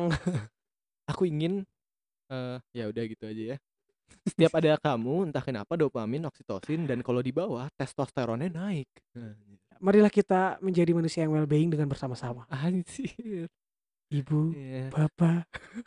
Kok jadi ISQ ya? Jadi hidup itu adalah kejutan. Iya. Seperti kamu yang datang tiba-tiba dan aku tiba-tiba bahagia. Dor. Au. Oh. Ini kayaknya ya sema- semakin apa gabut bahasannya Hmm. ya. Jadi kita tutup saja. Oke. Terima kasih Adnan Bintang sudah datang. Terima kasih Sultan Bara sudah percaya untuk mengajak saya ke sini. Anjir pasti Yang kosong ini yang kosong apa? kosong gitu obrolan kita dari tadi Oh tuh. enggak. Ini Oh enggak iya ini eh, yang sekarang kita oke banget nih. berkualitas sekali ya. Wow. anjir. Harusnya kita didengar sama TV-TV gitu ya. Betul. Tapi ya siapalah kita. Anjir. Merendah untuk meroket. ya jadi itu juga gitu. Terima kasih nanti datang lagi ke episode podcast gue yang lain Siap. ya. Jangan lupa main juga ke podcastnya gue ya. Oh iya, hal apa? Nah lo Nah, podcast. loh podcast. Itu apa nahlohnya gitu udah kan N A H L O H. Nanti tolong cantumin juga ya. Biar gampang. Iya. Nahloh podcast. Oke. Adnan Bintang, How do you ID? Iya. Oke, itu nanti gue cantumin di deskripsinya.